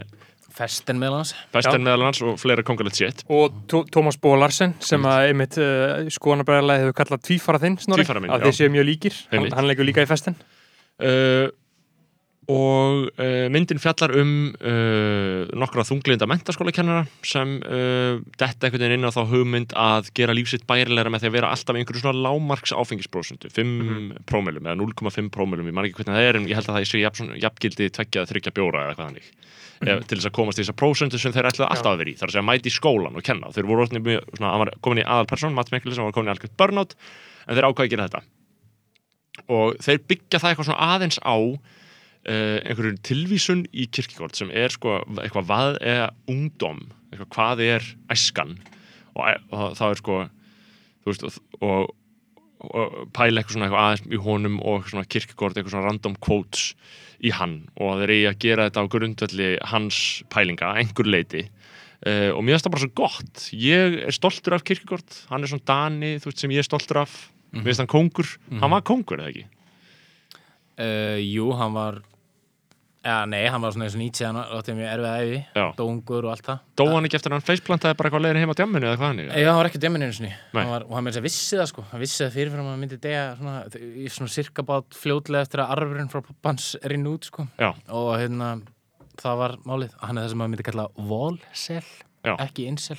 Emmitt Hann Eh, var voluntary já. celibate. Já, eða þú veist, hann Asexual. Já. Já, eða, þú veist, nei, það er nú, hann var nú líklega með einhverjum konum, sko, Mhm, en hann svona forðaðist það mjög mikið af svona skuldbindingafælni og þess að þar. Já, En, en hérna, já, varandi þetta, varandi sko myndina á það, sko, hann, hérna, ég sá ekki alveg beint þessar, þessar kirkvort tengingar að, að þessar, þessar vitnun í hann og svo var hann aðeins vitnaði hann begreipið angst í, þegar hann var að fá hann nefnda sinni til að drekka. Um, en það er mjög stór hluti af sko, heimsbyggi kirkvort sem, að- sem að fjallar um það sem hann kallar estetíska sviðið eða fagafræðilega sviðið og það er svona að vera svolítið í núinu sko, mm forðast leiðindin og allt þetta en það er rauninni svona óæðra tilvistar stig hjá honum sko. Já. en það, það okkupær stóran hluta af einn af hans al, einum af hans alverkum. Og þar er einmitt svolítið svona þetta með að þú veist, þú eigir að vera hann segir á einu stað sko að lífið sé eitt langur eltingalegur við augnablikið þú veist, og hérna hafur dansað eina stund við, þú veist, fallið stelpun á ballinu þá hafur lifað og allt þetta sko. Já, það, já, það er kjarnin í, kjarnin í fást hjá götu, skilur, það er bara þú veist, augnablikið fá augnablikið bara einu sinni, eina sekundu þá ertu búin að vinna, skilur ég, ég, ég held að ég hef ekki fengið augnablikið, sko. En svo getur þú getur lendi í sko spíral varandi þetta og það snýst til dæmis endurtekningi sko, þú veist, þetta reyna að endur upplifa þetta aftur sko, eða Já. lifa í endur minningu og þess aftur sko. Og, og ef við tökum sko heimspeki í svona einföldum einföldu, að, einföldum atriðum og bara svona einhverjum grunnatriðum þú veist, er þetta og ég veit að þessi spurning er banal sko en þú veist, hjálpar hún manni að lifa skilur, er það punkturinn? Er punkturinn einhver allt annars, er punkturinn bara gasa er punkturinn bara gasa er heimspeki bara, þú veist. Hún á, hún ámun alltaf að gera það veist, það er alltaf hlutverkanar það er, þú veist, þinna það er mér að segja til, sko, í bandaríkjónu þá er til einhverju gæjar, mann ekki hvað hann heitir hann gáð bók sem heitir Plato Not Prozac. Mhm. og hann er með mjög áhugaverð bók, þar sem hann er með í svona meðferðastofnun Mhm. sem, það sem eru heimsbyggingar og þú þessi umræði bandaríkjónu Gauðra gasa Já, ég veit þessi umræði bandaríkjunum er náttúrulega svolítið þannig, þú veist, að, að geðlæknir er að skrifa líf Jú, til fólk Já. sem þarf, þarf ekki að maður að halda á Plato en ekki prósa. Já, og hann, þú veist, þeir, þeir segja að það kemur til þín, hver er vandamáliðin og svo bara, ok, nú fyrir það heim og lest þetta í Seneca og þetta er þessum, þú veist, þetta á við þarna mm þetta er náttúrulega uppalega tilgangurinn, skiljur Já. hvernig var að lifa, hvernig var að vera manneskjur og þess aftar, sko Allt annar handleikur, sko það er kannski komið út í, þú veist Hún gerir talsverða heila, heilaleikvimi sko. Já. og, og tilgangslýsa mörguleiti sko. Pressaður skrifa greinar um, um eitthvað sem engi les og skiptingamáli og þess aftar sko. Já, það, en það, það er samt frekar svona fullnægjandi þá uh, skipting sem ég finnst þá sem ég finnst þú draga upp að sko upphaflega heimsbyggin þú veist, Seneca og félagar og bara síðan Plato og, og síðan bara kirkegård þess vegna hafi verið að skrifa í raun og veru þú veist, ef við segjum það bara sjálfsjálf skilur, og svo sé akademiska heimsbyggin hefði eina sanna skegg skilur. HÍ HÍ eftir mentaskóla að drekka þú veist, vera á stúdendakörunum og vera í heimsbyggi skilur, Trefill og hjól. Trefill hjól um, þú veist, skrifa pistla á rúf Mhm. inn í einhverja svona þætti sem eh, einhvern veginn eru sökkaðir allana uh, það er það er hræðilegt, það er það sem er slengt við allt, það er akademisk, nei já, já, jú það sem ég ætla að segja, það er svo, það, sú, þau vísindi snúast um að gera sjálfsjálfa bókunum öllum skil og setja það í einhver kerfi. Eða hvað, Uh, sko, ég ætla ekki, já, ég held að sko, akademisk heimsbyggi er er alveg góð en þú veist, Já. það er ángennar sem að er veist, það sem verður að svona einhverju sjálfskapavíti Mhm. eh, einfallega, en það er ekki heimsbyggin að kenna veist, það er, það er systemið, það er akademían sem að, hérna, gerir það umhverfi. Mhm. eða býr til það umhverfi en ég myndi einmitt halda að sko, sjálfsjálpar bækur og þess að það er byggt á einhver heimsbyggja eitthvað þá er þetta að koma bóðskapni til, til skila Mhm. Þú veist, það sem að, eins og allt þetta new non-fiction dæmi sem hefur svo vinsælt síðustu ár sko. veist að taka einhverjar, það sem kannski einhverju fræðum en einhverju sérfræðingar tala á mannamáli og, og ég held að snúist allt um það það snýst bara um að, fræðumenn geta komið upplýsingum til almennings sko, ekki bara til einhvers einangras hóps, þá er þetta að gera eitthvað rétt. Hvort sem það er heimsbyggja eða eitthvað annað. Einmitt. Hvað hva, hva finnst þér um Jordan Peterson í þessu samingi? Vi, við höfum átt verið ásakaðir um, um að vera talsmenn hans sko. Já, ég las, ég las þarna bókina 12 Rules for Life og fannst það nálega bara, bara allt í lagi. Og hérna, og það sem ég fílaði við hann var að hann var einmitt að búa til hann var að skrifa hvort sem að flokkra sem heimsbyggja eða sálfræði eða whatever mm hann var búið til eitthvað system skilur Mhm. og, og hann, hann var að tala til veist, til hérna allra einangruðu kynnsveldu karlmannana sko. Já. og, veist, og það bara var gott í sjálfu sér sko, það sem hann var að gera veist, hvort sem að eitthvað, veist, þessi þetta gaggrinnan fyrir hitt og þetta og eitthvað þannig ég meni ég er ekkit, minnst hann bara fýtt sko. Mhm. Og já, ég meina sér sagt það einhverju viðtali, þú veist, ég hef verið að lesa einhverju bók ég las þetta viðtali einhvern Mhm. daginn og ég sá svona já, ok, ég geta verið cancelled fyrir þetta og það var svona áður en sko, hann varði eitthvað svona eitthvað skrítin sko. Þetta var svona típist Ísland að hugsa þannig Já. bara, já, ok, betur, má ekki má Nei. mér ekki finnast eitthvað gott sem hann segir Já, einmitt. Það er svolítið þannig ef, ef þú einmitt segir þetta þá ertu automatist orðin einhvern veginn stuðningsmaður hans og hann er snillingur, skilur. Mm, já, en, en svo náttúrulega verður maður ekki cancelled á Íslandi, það er ekki hægt Mm. að einhver leiti, það er, það er allan að flókið. Ég var ekkert einmitt, sko var þetta þetta þú veist, bara tengt þessari þröngsýni sem við erum oft hérna, já, búið, ég var ekkert að taka ég var ekkert að fyrir lest með sko hérna, prófessornum mínum út í Belgíu. Og hann fara til Þískalans, okkur rástöfnu og hann er að ég man ekki hvað, um hvað þetta snýrist nákvæmlega, en hann segir um mig við erum að, við erum að tala um einhvern kapla í reikinu minni og einhver, einhver tólkun sem ég er að gera og hann kemur einhvern vingil og segir eitthvað svona já, þú veist, hérna, Hitler uh, segir eitthvað í Mein Kampf eitthvað, hann segir eitthvað svona kemur eitthvað twist á eitthvað eitthvað sem Hitler sagði, sko. Mhm. og ég er svona, þetta geði skrítið, sko bara Já. úr Mein Kampf. Og þá, mm hann lesi Mein Kampf, sko og, Mhm. og bara svona og hann kom með eitthvað svona punkt úr bókinni, sko. Einmitt. það var Já, góður, sko. Já, var góð, þetta var góð punktur akkurat varðandi þetta, sko. Akkurat. og kom Hitler ekkert við sko. Nei, það kom. Hitler ekki neitt við sko. Og sjálfsögðu fyrirlítur hann Hitler Mhm. þú veist en þetta var bara svona áhugavert Hann- já, hann- er Hann gerði þetta líka uh, knauskart, uh, sem við talum hérna á hann. Hann í sjöttu bókinni, þá skrifar hann, sem ég er ekki komin að, sko, ég er mjög spenntur að koma á hann skrifar 200 blassjur um Hitler, Mhm. rekur æfi Hitler, út af því að hann skýrði bækunum sína, Mein Kampf á Mhm. norsku. Þá í sjöttu bókinni sem er svolítið svona hann að uh, reflekta á bindin og áhrifin sem það aftur og allt svona, þá skrifar hann líka uh, 200 blassjur um Adolf sjálfan. ég meina auðvitað, auðvitað þarna, hafa allir nokkuð til síns máls skilur, þú veist. Hitler skrifaði þessa bók skilur, því að standa ekki við henni, einhver Mhm. einn og einn góðu punktur á stangli Já, já. í hvaða riti finnum maður ekki slíkt skilur, það er bara gott og mig hefur langað að lesa Mein Kampf, ég á hana PDF í tölvunni sko, Mhm. en ég hef ekki alveg svona einhvern veginn komið í það sko. Mm. um, en já, En- þannig, þannig heimsbyggin meika Já, sem, það er gott, og, það en, gott en, en svona með doktorsritgerð þannig að maður svona átti sig á í meina umfanginu hvað það í rauninni þýðir. Er, hvað, hvað er þetta marga blaðsjur og hvað er meðaltal? Við, þú veist, er, er þetta algengt að menn séu að að- lifa þessu að, fara svona, fara svona já, með sig? já, þetta er mjög óholt eða ekki? Og ég meina, jú, þetta er, jú, jú, þetta er alveg algengt sko. Ég er ekkert ein- ég er ekkert eini sem þetta taka svona langa tíma sko. En þetta er ógeðslega langt sko en Já. þetta er ekki, þetta er ekki spurningum blaðsíð fylgda sko Nei. það er náttúrulega það auðvildast þessu Já, að gasa Já. já, meira make a sense sko akkurat og það er ekkert sérstaklega mikið Já. rúm fyrir gas í ríkinu sjálf Mm. sko. Nei. getur ekkert mikið verið eitthvað gasa sko mm mm, Sveimi þá Sko, erum við ekki búin að bara fara yfir hansi víðan völl? jú, heldur betur sko við erum svolítið Við erum búin að vera þessu lengi uh, klukkutíma á 50 mínútur Já. Þannig að ég held að við séum bara svolítið farnir að er bara heitt og far, far, farnir að vera heldur góður sko. ég held að Já. sé bara komin tíma að við, við förum út og takum dröggdansinn sko.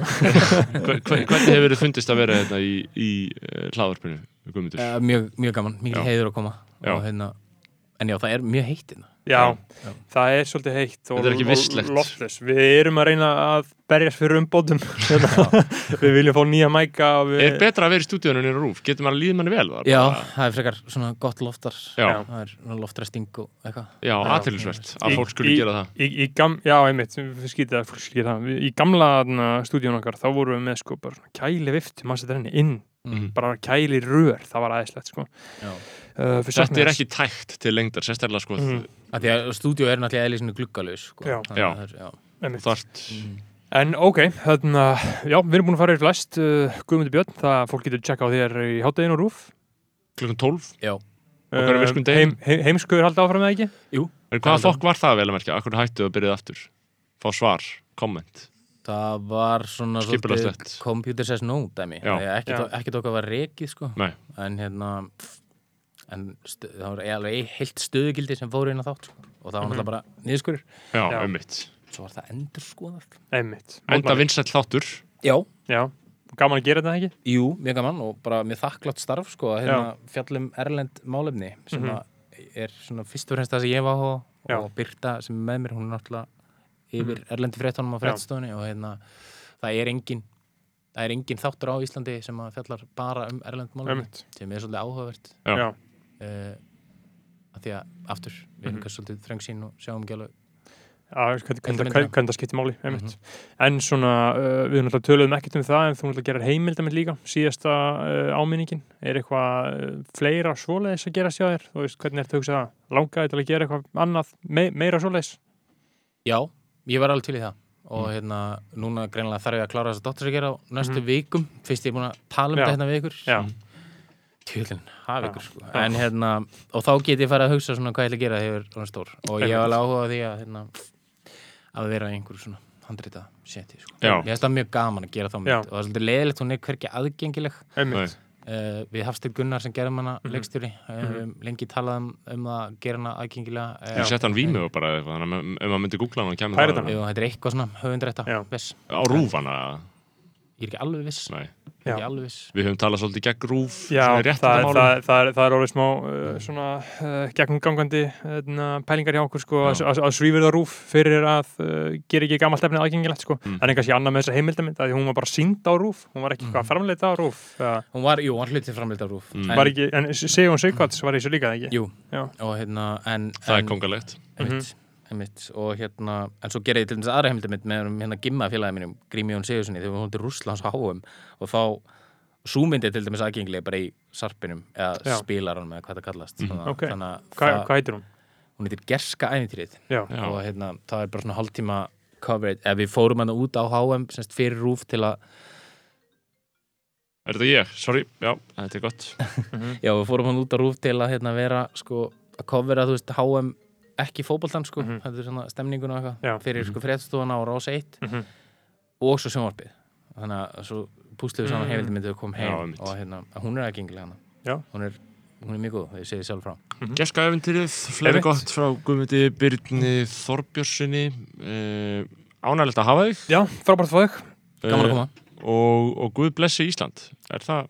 já, bara um ár og síð Skellilega henni í gang. Það getið gert eitthvað tilbúin fyrir dansinn. Það eru kæri lausindur uh, Færi á Patreon uh, Tjekkja á okkur þar uh, Það ykkur. borgi okkur fokkin auðmingjarnir ykkar. Emitt